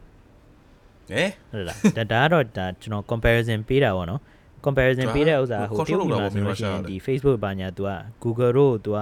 ban လုပ်ထားတယ်ဟုတ်နော် อืม Russia Russia က control မလုပ်တာဘာညာဆိုတာဗျာဟိုကျွန်တော်ပြောနေတာဥမာဒီ Twitter ဘာညာဆိုလို့ရှိရင် तू ကဟို Russia မှာဒီ still available လေဟုတ်တယ်လား ဟုတ်တယ် อืมအဲကျွန်တော်မဟုတ်ပါဘူးကျွန်တော်အဓိကပြောချင်တဲ့ဥစ္စာသူတို့ကဒီ social media ဘာညာဟိုဘက်ကို Russia ကို तू ကလုံးဝပိတ်လိုက်တယ်ဆိုတော့ Russia Russia နိုင်ငံကပြည်သူလူထုတွေကဘယ်လိုမျိုးခံစားရလဲသူတို့တွေဘက်ကသူတို့တွေဘက်က voice ဟုတ်လားသူတို့တွေဘယ်လိုမြင်လဲဒီစစ်ကိုသူတို့ဘယ်လိုမျိုးမြင်လဲဒီစစ်ကသူတို့ဖြစ်နေတာရောတိရောတိရဲ့လားဒီငါတို့ဒီဟိုဗာလေဒီဒီဆိုတာ CNN တို့ဘာလို့ညာတို့ ရှိသမျှသတင်းတွေအကုန်လုံးကနေပြီးတော့သတင်းပို့နေတဲ့ဥစ္စာမှန်ရဲ့လားဆိုပြီးတော့ငါတို့မှသိနိုင်ဥစ္စာပဲလုံးဝမသိနိုင်ဘူးဟောငါအဲ့ဘက်ကဒီရုရှားဘက်ကဟိုပေါ့နော်ဒီပြည်သူလူထုတွေအဲ့တဲကလူတွေပေါ့အဲ့ကောင်တွေအဲ့ကလူတွေကဘယ်လိုမျိုးဘယ်လိုမျိုးခံစားရလဲပေါ့သူတို့ဘက်ကသူတို့ဘက်ကအမြင်တွေသူတို့ဘက်က opinion တွေသူတို့ဘက်က view တွေကိုငါသိကြင်လို့လိုက်ပြီးတော့ research လုပ်တာရှာလို့မရဘူးအကုန်ပိတ်ထားရှာလို့အေးအဲ့တော့ ရှာလို့မရတာလဲသူတို့က post မလုပ်တာလဲဖြစ်ချင်ဖြစ်မှာပေါ့နော်อืม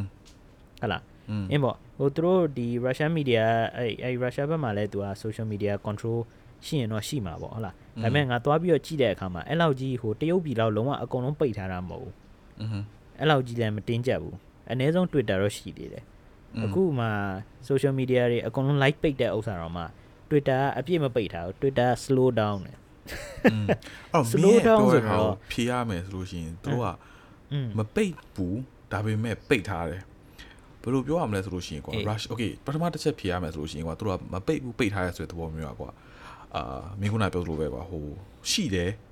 ဒါပေမဲ့သူ့ရဲ့အနောက်မှာကွာဟို filter တွေအကုန်လုတ်ထားတယ်ပေါ့လားအော် BBC ဘာလို့အကုန်လုံးဟာမျိုးလုံးဝမရှိဘူးအဲ့တော့မင်းတို့ဟိုအခုဆိုလို့ရှိရင်ကွာ box တွေရှိရယ် box ဆိုတာအကြောင်းလို့ပြောမယ်ဒီ စက်ရုပ်ကလေးလိုဟာမျိုးပဲကွာဒီ online မှာသူက run လုပ်ထားတာကွာအေးပေါ့အေးပေါ့အဲ့ဒါဆိုလို့ရှိရင်ကွာ automatic သူက answer လုပ်တာတို့อืมသူတို့အဲ့ဒီဒီပေါ့နော်ဒီ western နဲ့ဆိုင်တဲ့သတင်းတွေအကုန်လုံးသူတို့က take down လုပ်တာပြီးလို့ရှိလို့ရှိလို့ရှိရင် okay ပြီးလို့ရှိရင်မင်းစဉ်းစားကြည့်ကွာ okay ငါအဲ program ပေါ့အဓိက program ကသူကပိတ်ထားတာပေါ့ like အေး concept ထုတ်တာရှင်းပြမယ်ကွာငါတို့အခုဆိုလို့ရှိရင် Facebook ရှိတယ် Facebook ကဟို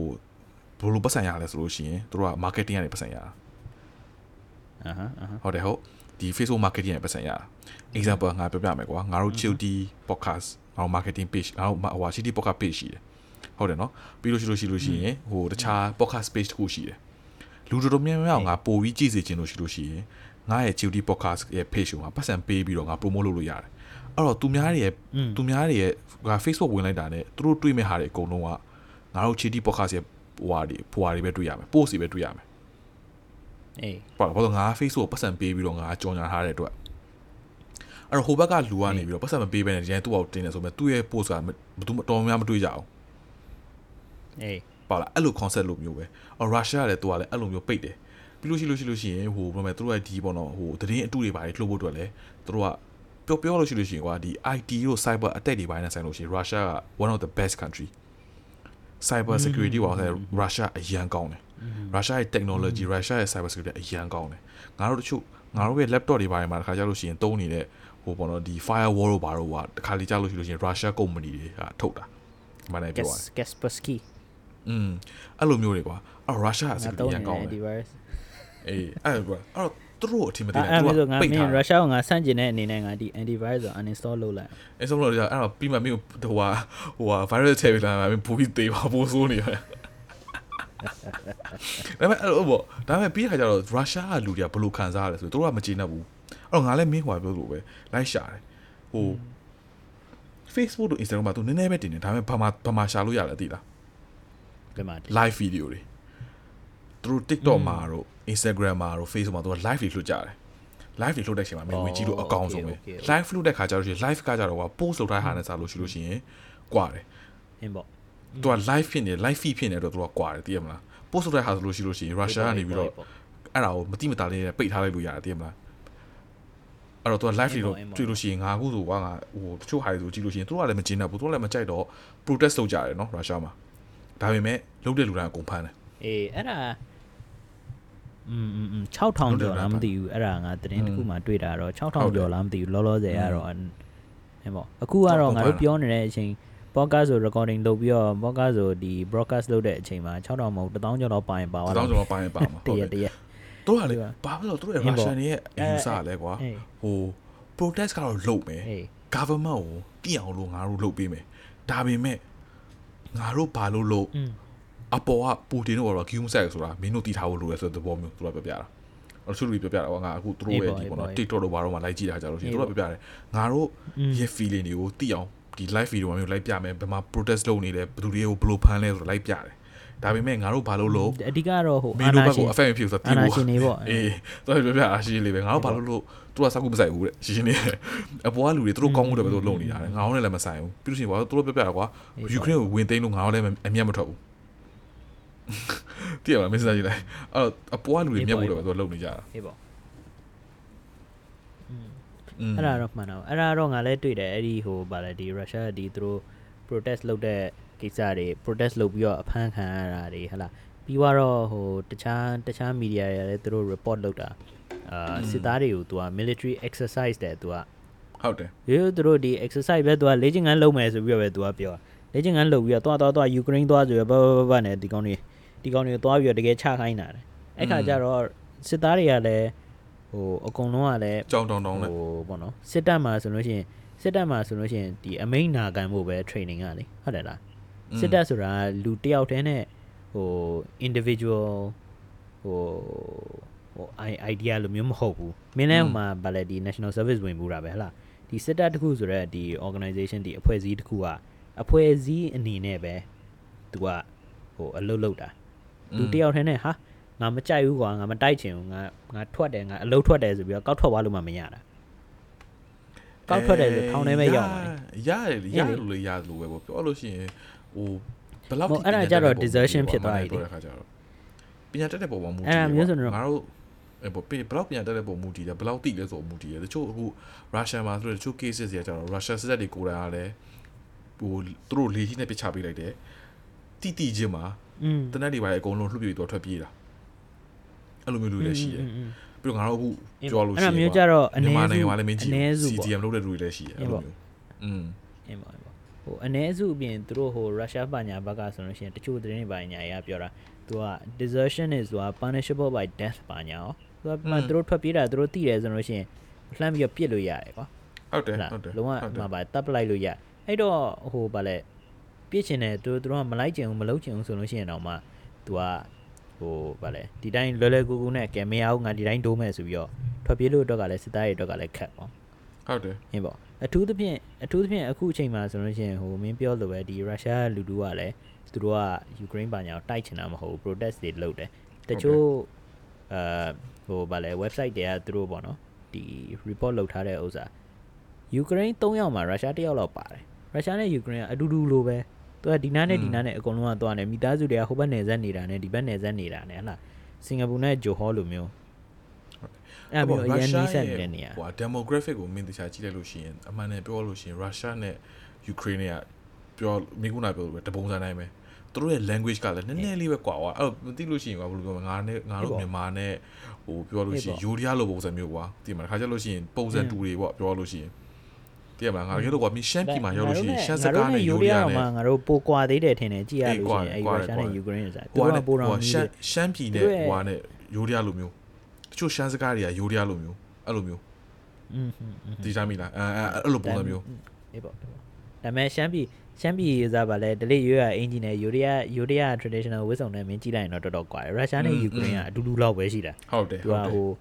စားပါလေသူကဒီဟို တဲ့တဲ့တဲ့ဆွဲထားတဲ့ line နဲ့ down line ဆွဲထားတဲ့ line နဲ့အဲ့ဒါလောက်ကွာတာလောက်ရှိတယ်ဟုတ်တယ်အကုန်လုံးကအတူတူလောက်ပဲอืม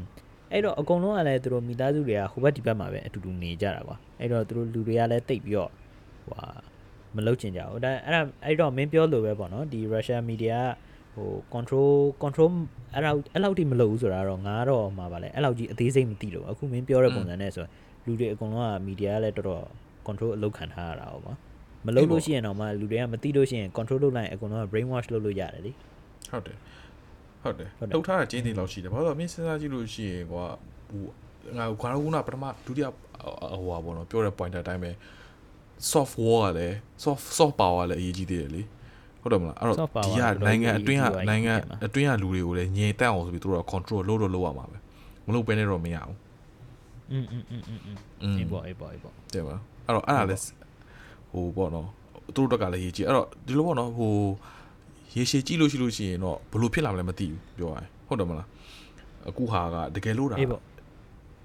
သူကတော့ဟိုဟာရုရှားဟာ Ukraine president ကလွန်ခဲ့တဲ့နှစ်ရက်ကသူက EU ဝင်ဖို့အတွက်သူက application ကိုရှောက်လိုက်ပြီးပြီသလားအဲ့တော့ပြောရရင်ကွာရုရှားအမှန်တမ်းပြောလို့ရှိရင်သူ့ရဲ့တေတွင်သူတိုးတွင်းတော့ဟိုဟာလေသူ့ရဲ့တေတွင်ကိုတူးလို့ဖြစ်နေတယ်အရင်တော့ ကဟို NATO ထဲကိုမဝင်တဲ့နိုင်ငံ Sweden တို့ဘာတို့ကလည်းအခု NATO ထဲကိုဝင်ကျင်လာပြီအေးဝင်မဲ့သူတို့ကလည်းဒီလိုမျိုးဖြစ်နိုင်တယ်ပေါ့နော်ဖြစ်နိုင်လို့သူရှိကလို့လည်းရှိရင်ကြောက်တယ်လေသူကတယောက်တည်းအေးပေါ့တယောက်တည်းသူကဒါမှခုခံလို့မှမရတာအုပ်စုလိုက်ဆိုလို့ရှိရင်ဘာဘာဆိုသူကကောက်ပြီးတော့ဟုတ်တယ်ပေါ့ဘာလို့အခုပို့လိုက်တဲ့ troops တွေတော်တော်များများက US က troops တို့ဟိုဟာ UK က troops တွေ France တို့ Germany ရဲ့စစ်တပ်တွေအကုန်လုံးကပိုလန်ထဲမှာသီလားပိုလန်နဲ့ Ukraine ရဲ့နယ်စပ်မှာသူတို့ရဲ့စစ်တပ်တွေအများကြီးရှိတယ်။ ဘာဖြစ်လို့ဆိုလို့ရှိရင်ပိုလန်က NATO နိုင်ငံ NATO နိုင်ငံဆိုတဲ့အတွက်သူတို့ကနေပြီးတော့စစ်တပ်ကိုလွတ်လို့ရတယ်။ Ukraine ကြောင့် NATO နိုင်ငံမဟုတ်တဲ့ခါကျတော့မလွတ်နိုင်ဘူး။မလွတ်ရဲဘူးကွာ။တရားလွတ်လိုက်လို့ရှိလို့ရှိလို့ရှိရင်တကယ်လို့ NATO နဲ့ Russia နဲ့စပြီးတော့တိုက်တယ်ဆိုတော့ကကဘာစစ်ကစပြီအဲ့ဒါလိုအောင်ချင်းတည်သွားပြီ အင်းပေါ့သူတို့ကလည်းဟိုဗာလဲစစ်တပ်တွေကိုယူကရိန်းနဲ့လွှတ်တယ်ဆိုရင်သူတို့လည်းကျူးကျော်တဲ့ပုံစံမျိုးဖြစ်သွားတာ ။အဲဟုတ်တယ် ကြားတယ်อ่ะအင်းပေါ့အဲ့တော့ तू ကဟိုဗာလဲယူကရိန်းကို तू ကအကြောင်းပြပြီးတော့ तू ကရုရှားနဲ့ तू ကစစ်တိုက်တယ်ဆိုပြီးတော့အဲ့ခါကျတော့မင်းပြောလိုမျိုးပဲ ဘာစစ်ဖြစ်တယ်ဆိုတဲ့ပုံစံမျိုးဖြစ်သွားတာပေါ့အဓိက ဟုတ်တယ်ဟုတ်တယ်ဟုတ်တယ် อื อื ม ม အဲ့တော့ အော် အ ငါတို့ ကုန်လုံးကလည်းမတိုက်ရဲကြဘူး ပြောတာ အဲ့တော့သူတို့ကလက် တ နက်တွေ နာရီ သူတို့ လောက် ပေးတယ် ရှိပြီငါဒါမဲ့ငါ အေး ဒီအကြောင်းကိုစဉ်းစားနေဆိုနေဖြစ်နေတဲ့အပိတ်အပိုင်းလေးမှာငါတစ်ခုငါမင်းနဲ့တိုင်မိချင်တာငါဆွေးနေတယ် အေး ဒါငါတို့ရဲ့ဟိုဟာထဲမှာမပါဘူးငါ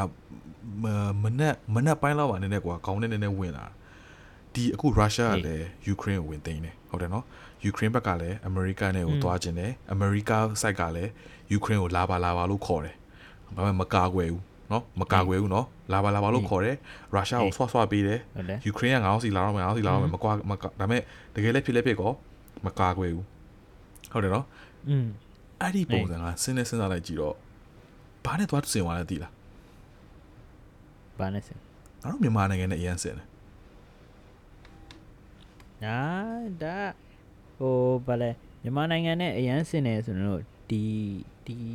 YouTube မှာကွာဒီ topic ကို research လုပ်နေတော့อ่ะ อืม ဟိုအဲ့ဒီဟိုကလားကလား website ကအဲဟုတ်ပါဘူးကလား channel တကူอ่ะဟုတ်ပြောလို့ပဲကွာမင်း YouTube ကမင်းဟိုမှာအเจ้าမှာစာတင်တဲ့ဥစ္စာမင်း3လလောက်တင်ရတယ်ကလား7မိနစ်လောက်ပဲရှင်းသွားတာပေါက်သွားတယ်ဆိုပုံစံမျိုး อืม အဲ့တော့ကလားကပြောတာ तू ကရှင်းရှင်းလေး ဝေး ပဲ ဝေးကလားဆိုတာဟိုဟာ America လို့ အိန္ဒိယလားအာဖရိ အိန္ဒိယဟိုပေါ့အိန္ဒိယအိန္ဒိယအိန္ဒိယအိန္ဒိယအိန္ဒိယကလာအဲကလမပေါ့သူကသတင်းပို့တာသူကပြောရတာတော့သူကရှင်းရှင်းလေးပဲအမေရိကလိုမျိုးမိတ်ဆွေရှိရင်မင်းရန်သူမလို့ဘူးတဲ့ရှင်းတော့အမေရိကလိုမိတ်ဆွေကရန်သူမလို့ဘူးဆိုတာဟိုအဓိက तू ကပြောချင်တာကတော့မင်းအမေရိကမင်း border လိုနေပြီးတော့တကယ်တမ်းကတော့ तू ကမင်းကိုအနိုင်ကျင့်မယ်မင်းမင်းမင်းရှီကမင်းဟိုစားပါအကုန်လုံးအကုန်လုံးဟိုစားပါလေ take advantage of you ကွာ तू က အဲ့မျိုးသဘောမျိုးပေါ့อือဟึအင်္ဂလိပ်လိုမျိုးသူကပြောရတာကတော့ uh when you have a friend like uh the United States uh you don't need an enemy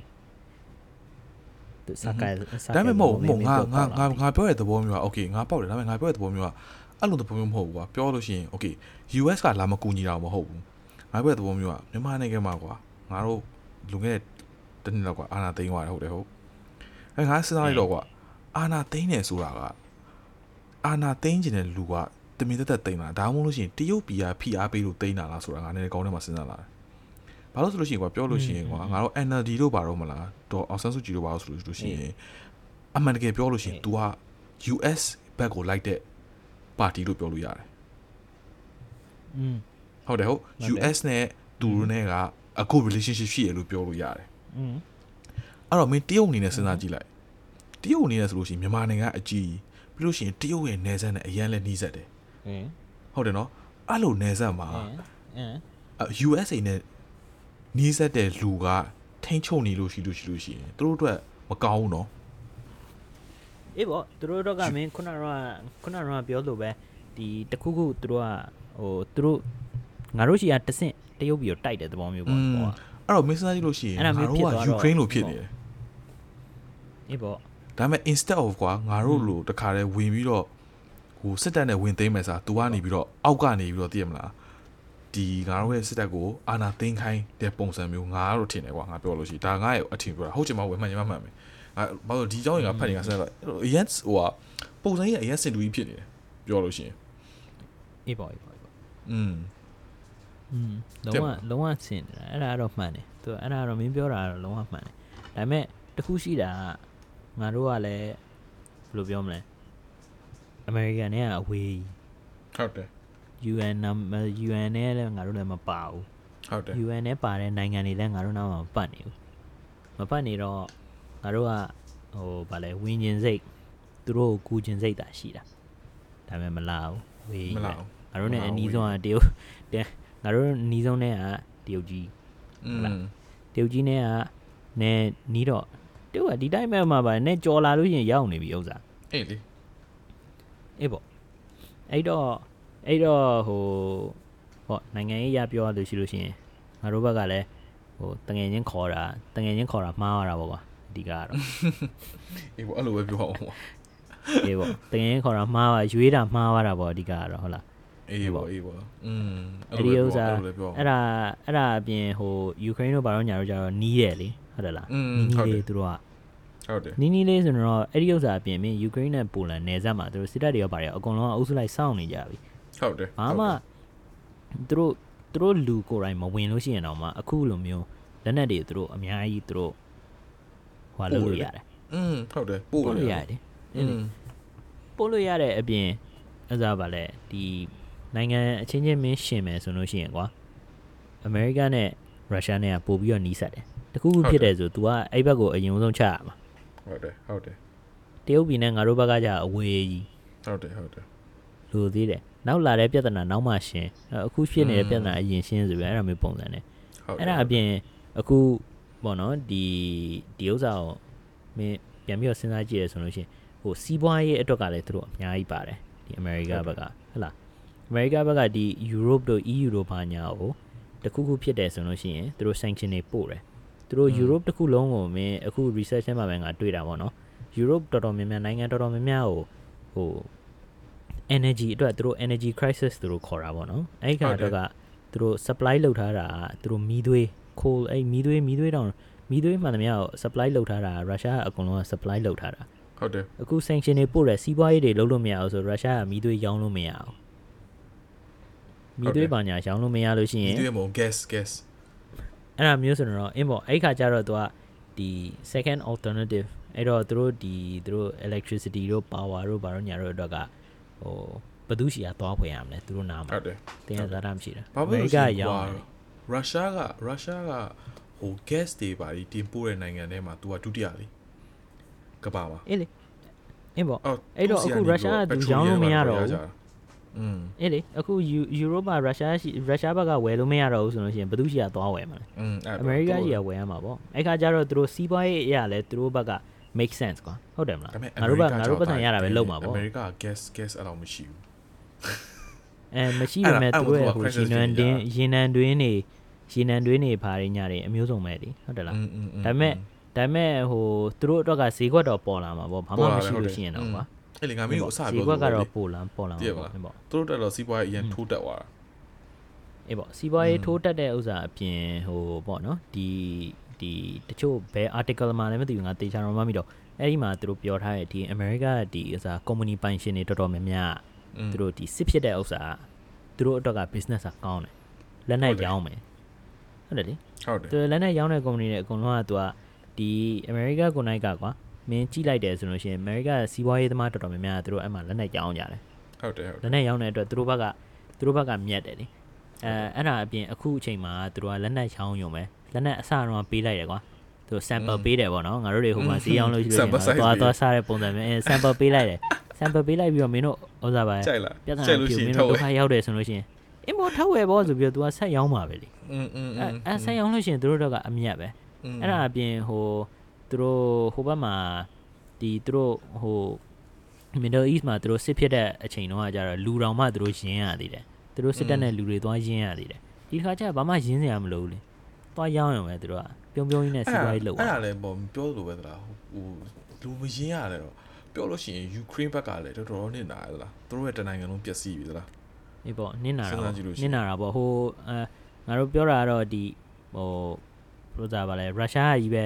ဟိုမှားတာမဟုတ်အမေရိကဘက်ကကြီးပဲမှားတာမဟုတ်နှစ်ကောင်စလုံးလူဆိုးတွေကြီးပဲရှိနေရတာအကောင်လုံးကနေပြီးတော့ထိတ်ဆုံးအကောင်တွေကအကောင်လုံးကအမ်ပြီးတော့အောက်ကလူကကျတော့လူဆိုးတွေကြီးပဲ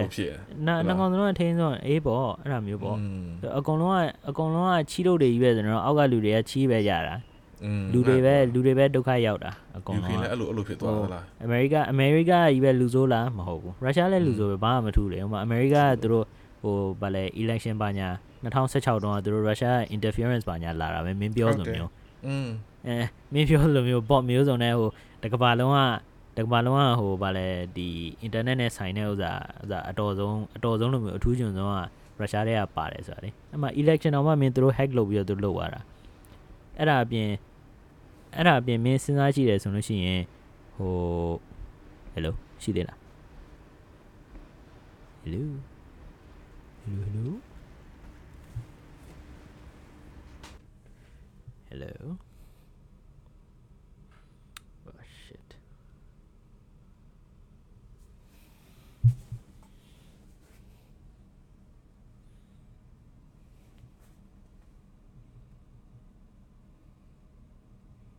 ဟယ်လို တစ်သွားတယ် အေး သွား connect connection reset ဖြစ်သွားငါပြန် join လိုက်မယ်အဲ့ဒါ โอเคโอเค အေးအေးအေး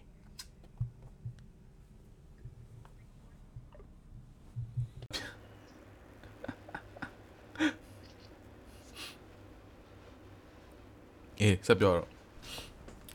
အေးငါအေးပြောငါခုနကပါငါပြောခုနကပြောနေသမျိုးဟိုပေါ့အားနော်လုံးပဲမင်္ဂလာပါကျွန်တော်ကျအေးအားလုံးပဲမင်္ဂလာပါအေး shit အပတ်ဆုံးတူအဲငါတို့ငါတို့ပြောနေတဲ့အကြောင်းပဲ hack အလုပ်ခံထားရလားမသိဘူးငါတို့ signal တွေပါပျောက်သွားပြောနေရုရှားရုရှားကကြည့်နေငါတင်မောဒုံးကြီးပဲကြာလာအောင်မယ်ရောက်စိတ်ဝင်စားရောသူ့ဟာသူဟိုမှာတော့ပတ်စံမလောက်ဘူးဖြစ်ရလား ခုနကသူတို့သူတို့အကြောင်းအတင်းတုတ်တာနည်းနည်းများသွားလို့ထင်တယ်ဟေးအကဲဟိုကဘာဘာပြောရလဲအေးငါခုနကပြောနေသမျိုးပေါ့နော်ဒီအဲ့ဟိုရုရှားဒီ election တွေအမေရိက election တွေကိုလည်းသူတို့သွားပြီးတော့ဝင်ဆွတ်ဖတ်တယ်ဟဟလားအဲ့ဒါအပြင်ဟိုအမေရိကကလည်းသူတို့ဒီကုမ္ပဏီပိုင်ရှင်ကြီးတွေသူတို့စီးပွားရေးပိုင်ရှင်ကြီးတွေအကုန်လုံးကလည်းသူတို့ဒီပေါ့နော်ဒီပတ်စံရတယ်ဆိုပြီးတော့အကုန်လုံးကအာဟုတ်နေကြတာ သူတို့ဘာသာသူတို့နှကောင်စလုံးလူဆိုးတွေကြီးပဲဒါပေမဲ့ဂျားတဲ့က ဟုတ်တယ်ဟုတ် ခံစားရတာလူတွေက blind ခံစားရတာလူတွေရဲ့အသက်နဲ့သူတို့တွေလူတွေအသက်တွေပေးဆက်ပြီးတော့သူတို့ကတော့ချမ်းသာပြီးတော့သူတို့ကကောင်းစားနေတာ哦 อืม အဲ့မျိုးပေါ့ အဲ့ဒါပြောလေဟိုမင်းကရုရှားဆိုလို့ရှိရင်အခုကြည့်ပါလားဟိုရုရှားရဲ့ sorry currency ကလည်းအရင်ထိုးကြသွားပြီเนาะ อืม ဒါပေမဲ့ဟိုထိုးကြတဲ့အချိန်မှာထိခိုက်တာဆိုလို့ရှိရင်အမှန်တမ်းပြော ပြည်သူလူထုပဲရှိ ကထိခိုက်တာပေါ့ အေးလေ အေးအပွားကောင်တွေကသူတို့ကစားရတာဝါတုံနေတော့လေ อืม မထိခိုက်ဘူးเนาะ อืม မင်း သူတို့ရေးစေးပဲ ဒီကပတ်စံစာဝမ်းချမ်းသာတာလောကတူတာဘာမှ it's nothing bro อืมอืมอืม တင်မှာအောက်ကလူတွေကငတ်ပြတ်မယ်ဆင်းရဲမယ်ဒါပေမဲ့သူ့ဘက်ကတော့အေးဆေးပဲဘာမှမဟုတ် ဟေးပေါ့ဟေးပေါ့ဟေးပေါ့ဒါပေ အဲ့ မဲ့ လိုပဲ အင်းပေါ့ဒါပေမဲ့ကြည်တာပေါ့ကွာငါတို့ဘယ်လောက်ဘယ်လိုမျိုးဘယ်လိုမျိုးနောက်နောက်ရက်နေငယ်မှာသူတို့ဘယ်လိုအခြေအနေရှိမလဲပေါ့အခုရက်ထိတော့ အခုကျွန်တော်တို့ recording လုပ်နေတဲ့အချိန်ထိကတော့သူတို့ဒီ Ukraine ရဲ့မြို့ပေါ့ capital လို့သူတို့ Kiev ကိုသူတို့မှာဘုံခွဲနေကြတယ်ဘလုံးမျိုးစုံအမြောက်နဲ့ပြစ်ဟိုအပြစ်တရားဖြစ်နေဗီဒီယိုကြီးကြည့်လို့ရင်ဟာမင်းရတယ်ကွာတကယ်ရေးလဲဆိုးရတာမအိမ်နေလဲပြိုအိမ်နေလဲကွဲနာမှာပါလဲတချို့တချို့လူတွေဆိုလို့ရှိရင်သူတို့အိမ်က CCTV camera footage တွေလေ Ukraine ရဲ့ CCTV camera နဲ့လာဟိုကပါလဲဒီ missile လာဟိုအိမ်ကိုထိမှာမှာတိုက်တွေပါကွဲတာတို့မှာပါလဲဟု တ်တယ် ဟိုတချို့ဥစားဆိုလို့ရှိလို့ရှိရင်အဲယူကရိန်းကလူတစ်ယောက်ကဗီဒီယိုရိုက်နေတာတန်ကားကသူ့ကိုလှမ်းပစ်တာအမြောက်နဲ့ဒုံးဆိုပြီးဟိုကောင်မသေးတာကန်ကောင်း อืม အဲ့ဒါမျိုးပေါ့တော်တော်ကြီးကိုဆိုးရအ အဲ့ စ ဒါ တော့ ရုံးရုံးရလားအဲ့လိုဗီဒီယိုရုံးရုံးရ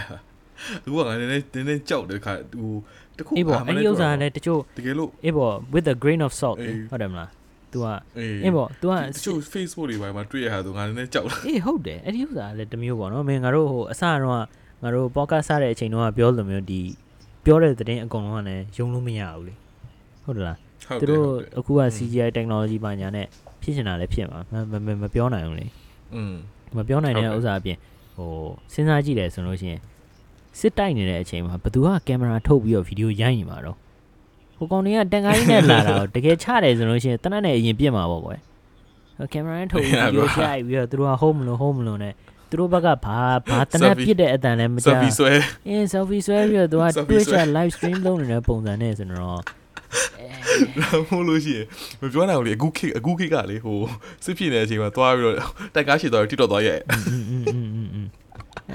ဒီမှာ TikTok ဗီဒီယိုပဲသွားရဲ့သွားပြီးတော့ dance ready game အေးပါအေးပါအေးပါ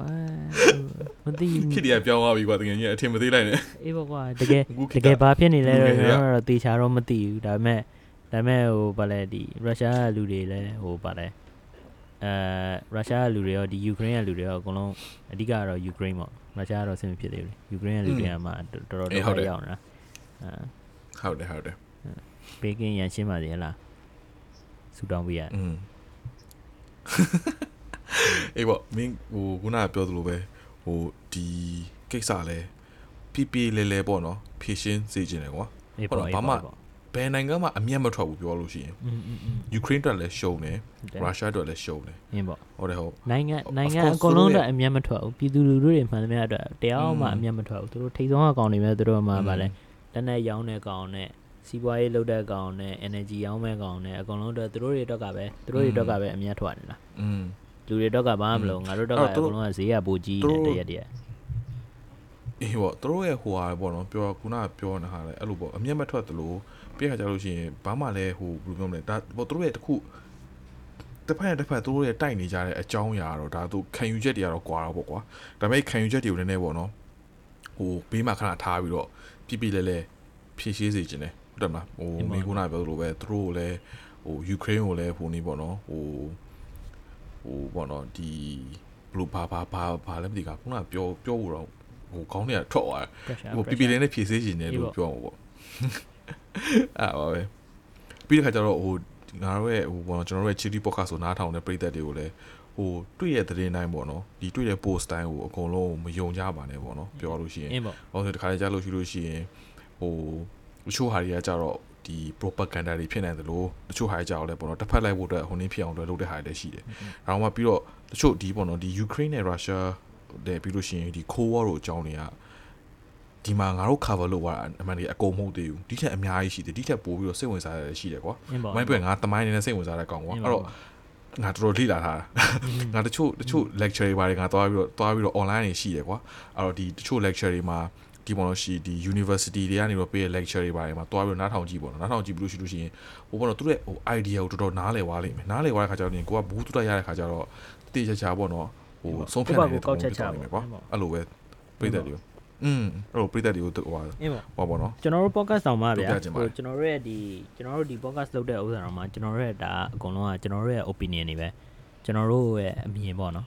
ကျွန်တော်တို့အမြင်နဲ့ကျွန်တော်တို့ဘာသာကျွန်တော်တို့ဆွေးနွေးတာကျွန်တော်တို့အမြင်ကျွန်တော်တို့အမြင်နဲ့ဟိုဒီပြည်သက်ကြီးရဲ့အမြင်အခုနားထောင်နေပြည်သက်ကြီးရဲ့အမြင်ကတူချင်မှတူမယ်၊ကွာရင်လည်းကွာမယ်ဒါပေမဲ့အကုန်လုံးနောက်ဆုံးကတော့ကိုယ့်ဘက်ကိုအချက်လက်ရှာပြီးတော့နဲ့ကောက်ချက်ချတာကတော့အကောင်းဆုံးပါပဲလား အဲ့ဒါအဲ့ဒါအပြင်အခုအခုဖြစ်နေတဲ့အခြေအနေကသူတို့ကသူတို့ဘာသာသူတို့တိုက်နေတာဒါပေမဲ့ရုရှားဘက်ကသူကအနုမြူလက်နက်ရှိတာနဲ့အကုန်လုံးကဟာတတိယကမ္ဘာစစ်ဖြစ်မယ်အကုန်လုံးဆိုပါလဲကမ္ဘာကြီးပြတ်မယ်ဆိုပြီးတော့မီဒီယာမျိုးစုံကကြောက်လန့်ပြီးတော့သူတို့ကလည်းဟိုသူများတွေသူများတွေကြားကောင်းအောင်သူများတွေကဟိုစားပါလဲကိုယ့်ရဲ့ website ကိုလာပြီးတော့ကြည့်အောင်လာပြီးတော့နားထောင်အောင်သူတို့ကခေါင်းစဉ်မျိုးစုံတက်ပြီးတော့ရေးမှာပဲလေအဲ့တော့မှသူတို့ကပတ်စံရတာလေ ဟုတ်တယ်ဟုတ်တယ်လေသူသူတို့ရဲ့သူတို့ရဲ့စီးပွားရေးကအဲ့ဒါပဲဒါပေမဲ့အဲ့မျိုးလုပ်တဲ့အတွက်အကုန်လုံးကကြည်လိုက်လို့ရှိလို့ရှိရင်အကုန်လုံးကဖြည်းဖြည်းချင်းကြောက်လာဟုတ်လားอืมအဲ့တော့တကယ်တမ်းနောက်ဆုံးကောက်ချက်6တာကောက်ချက်6တာလေကောက်ချက်6ကောက်ချက်ချတာကတော့ကိုယ့်ဘက်ကကောက်ချက်ချရမှာပေါ့လားအင်းပေါ့တကယ်တမ်း situation ကသူတို့ဘက်ကကျွန်တော်တို့စောင့်ကြည့်အောင်မယ်အဲ့လောက်ကြီးအစိုးကြီးလဲဟုတ်တယ်မဖြစ်မဖြစ်ကောင်းလဲမဖြစ်နိုင်ဘူးပေါ့ဟုတ်လား ဒါပေမဲ့အကုန်လုံးကတော့ပြီးတော့အကုန်လုံးကတော့ပြီးတော့ပတ်ပြောပြီးချင်တော့တာတိတ်လဲစိတ်မပူပါနဲ့လို့အင်းပေါ့အရင်စိတ်မပူပါနဲ့ကျွန်တော်တို့ရဲ့ဘွားကြီးကတော့အခုလောလောဆယ်ကတော့ဒီတိုင်းကဒီတိုင်းပဲဈေးကြီးလာတာပဲရှိတယ်တရက်တရက်ဟိုဟာဟိုဟာအာတခုဒါဟာတာအနေနဲ့ဒီ okay အတော့ဟိုအတော့အသေးလေးနှစ်ခုရှိရငါမင်းကပြပြတယ်ဟာတာအနေနဲ့အဲ့တော့ငါ online မှာလိုက်ပြီးတော့ဟိုဟာ research နဲ့လုပ်နေနေပြည်သက်တွေကိုတော့ဒါဟာတာဟိုမျိုးအလူတိုင်းကပြောကြဟာတယ်မင်းနဲ့အမှန်တမ်းပြောလို့ရှိရင်တဲ့ ကိုဗစ်ကိုတဲ့ကိုဗစ်နော်ကိုဗစ် -19 ကိုတဲ့ fight လုပ်ဖို့အတွက်ကမင်း vaccine လည်းမလို mask ဝတ်ဆရာလည်းမလိုဘူးတဲ့အင်းဟာတကောင်းမေအာဘာဘာလို့လဲတဲ့မင်းပူတင်မဲလို့တဲ့ပူတင်ဆက်စားလို့ရှိရင်အခုကိုဗစ်ကြောင့်ဘာမှမရှိတော့ဘူး news မှာလည်းဘာမှမရှိဘာမှမရှိဘယ်သူမှလုံးဝကိုဗစ်ကပျောက်သွားပြီလုံးဝမေ့ပါ we are all cured from covid အင်းအင်းအင်းဟုတ်ကဲ့ပူတင်ရတခုပဲရှိရဲအဲကျော်ရီရအဲ့စိတ်လည်းမပူကြပါနဲ့ဆိုတာကွာလုံခဲ့တဲ့နှစ်နှစ်ကဆိုလို့ရှိရင်ငါတို့ကိုဗစ်ကိုအရင်ကြောက်ကြတယ်အခုကိုဗစ်ဆိုလို့ရှိရင်တော်တော်များများသိရမလားကိုဗစ်နဲ့ပဲဘယ်လိုနေရမလဲဆိုတာခုနေဖြစ်နေကြပြီအင်းပေါ့တချို့ဒုတိယတင်းတစ်ခုနေကကြဆိုတော့မှဗာလဲနောက်ပြောင်းမင်းပြီးတလားတော့မှကိုဗစ်ဖြစ်ပြီးတော့မှယောဂဖြစ်တယ် vaccine ထည့်ပြီးတော့လူတွေကဖြစ်ဖြစ် zombie တွေပါဖြစ်မယ်ဆိုပြီးတော့တင်းနေကလာနောက်ပြောင်းပြီးပြောတယ်အဲ့ပါအဲ့ပြီးတော့ဒုတိယတစ်ခုကကြတော့မင်းသလားရုရှားကအမှန်နဲ့ပူတင်ကအမှန်တကယ်တရုတ်ကိုကြောက်တယ်သလားอืม ဘာလို့ကြောက်လဲဆိုလို့ရှိရင်ကွာ backup မင်း plan အခု Winter Olympic ဖြစ်တယ်နော်အင်း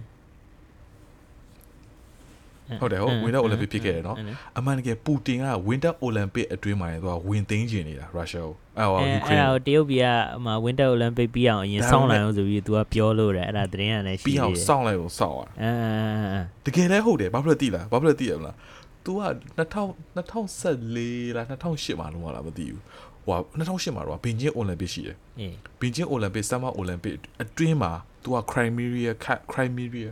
Crimea အင်းအင်း ကဟိုပါပေါ့နော်ဒီယူကရိန်းရဲ့မြို့ကို तू ဝင်သိမ်းတာရုရှားက อืม အဲ့တော့ကွာသတင်းမှာကွာဘင်ဂျင်းကတရုတ်ပြည်ကသတင်းဟိုပေါ့နော် Summer Olympic အကြောင်းမလာဘဲနဲ့ဒီရုရှားအကြောင်းတွေလာတော့တရုတ်ပြည်ကစိတ်ကောက်သွားတယ်အဲ့တော့ဟိုတရုတ်ပြည်ကတမနာတွေဖုန်းလက်ဆက်အဖူတင်ဟဲ့အောင်နောက်တစ်ခါဒရိုဘလုံးနေရအောင်နောက်တစ်ခါလို့ရှိလို့ရှိရင်မင်းငါတို့ပြီးမှမင်းစောင့် စောင့်မှမင်းလှုပ်ရဆိုပြီးတော့ပြောထားတာကွာအင်းအင်းအဲ့ဒါကြောင့်မလို့ပူတင်ကစောက်တာဟိုတက်ဒီအကုန်လုံးဟိုမြို့မြို့နယ်မှာဟိုနေဆက်မှာပို့ထားတယ်ဒါပေမဲ့ तू ကစောက်တယ်ဝတ်တက် Olympic ပြီးအောင်စောက်အဲ့လိုမျိုးလည်းရှိရကွာအေးပေါ့ဟာတာပေါ့အဲ့ဒါလည်းဒီဟိုဒါမှမဟုတ်ငါတို့ရဲ့ဒီနေ့ပြောတဲ့ဒီ episode topic မှာကြီးက record- heavy ဖြစ် recording လို့မလုပ်ခင်တော့ငါ Facebook မှာတွေ့ဟိုမှာတရုတ်ပြည်က ambassador က မဟုတ်ပါဘူးရယ်ဒီ statement ကလုံးဝမှားတယ်ဆိုပြီးတော့လာပြီးတော့ထွက်အဲ့တော့မင်းပြောတော့မှငါအဲ့ဒါသွားပြီးတတိယကြီးရ အဲ့ဒါတကယ်လည်းဟုတ်တယ်ကွာအခုအခုပါလေဟိုဘီဂျင်းမှာကွာโอเค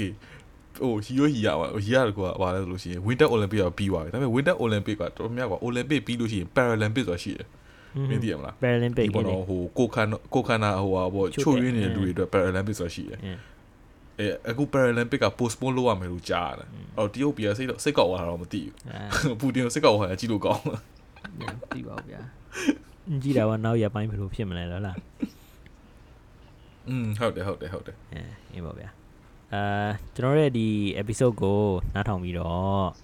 နော်ဘုသူဒ္ဓလေးရခဲ့တယ်။ဒီ episode လေးကိုနှစ်သက်ခဲ့တယ်။မနှစ်သက်ဘူးဒီမှာပါတယ်ဒီကောင်းလေးဆောက်လွဲပါတယ်ပြောနေမှမသိဘူးလို့နဲ့ခံစားခဲ့ရတယ်ဆိုလို့ရှိရင်တော့မှာဗျာ။အာကျွန်တော်ရဲ့ podcast ကို ဟိုစားအနည်းဆုံးလူတစ်ယောက်လောက်ကိုနည်းနည်း share ပေးပါတစ်ယောက်ပဲလို့တယ်အဲအများကြီးမလို့ကျွန်တော်တို့ကတစ်ယောက်တစ်ယောက်လောက်ဆိုရင်လည်းရတယ်ဟတ်လားအများကြီးပို့ပြီးတော့ share လုပ်ရင်တော့ပိုကောင်းတော့ကျွန်တော်ကျင်းနေပါတယ်တစ်ယောက်တည်းဆိုလို့ရင်လည်းဟုတ်ပါတယ်อืมအဲ့လိုပေါ့အဲ့တော့ကောင်းရင်ကျွန်တော်တို့ဒီနေ့ဒီအပိုင်းဒီမှာပဲရက်လိုက်အောင်လားအဲ့မှာဟုတ်ပါတယ်ကဲကိုမွေးကျွန်တော်ဒီနေ့ပြောရတယ်တော့ကြာသွားပြီအင်းပေါ့အဲ့တော့ပရိသတ်တွေလည်း တချို့လူတွေကနားထောင်နားထောင်နေသေးရလားတော့မသိဘူးပြင်းပြီးတော့အိပ်ပျော်သွားလူတွေဘာလို့ဒီနေ့ episode နည်းနည်း heavy ဖြစ်တယ်သိရမလားအဲအာ heavy တသိပ်မရှိဘူးအင်းပေါ့အင်းပေါ့ဒါပေမဲ့အခုကျွန်တော်တို့နားထောင်ပေးရတဲ့အတွက်ဟုတ်ကျွန်ပါတော်တို့ကျေးဇူးအများကြီးတင်ပါတယ်လို့အဲပြောတင်ပါတယ်ခင်ဗျာဟုတ်ကဲ့ပါဟုတ်ပါတယ်ကျေးဇူးအများကြီးတင်ပါတယ်ခင်အားလုံးဗျာပဲနောက်အိပ်ပျော်သွားလို့ရှိလို့ရှိရင်လည်း Bye bye ရပါတယ်ခင်ဗျာထားတော့ထားတော့ဟုတ်ကဲ့ပါခင်ဗျာအဲ့ဒါဆိုရင်လည်းနောက် episode မှာတွေ့တာမဟုတ်လေဖုန်းဖုန်းတော့ charging သွင်းရမယ်လေ ထားပြီးတော့ဖုန်း charging သွင်းရရင်အဲဖုန်းချရင်ပြန်နောက်နေ့ဆိုနောက်နေ့နောက်နေ့အတွက်ထိုင်ပြီးတွေ့မှာရ okay okay ဘိုးဘိုင်ပါအေးဟုတ်ကဲ့ပါ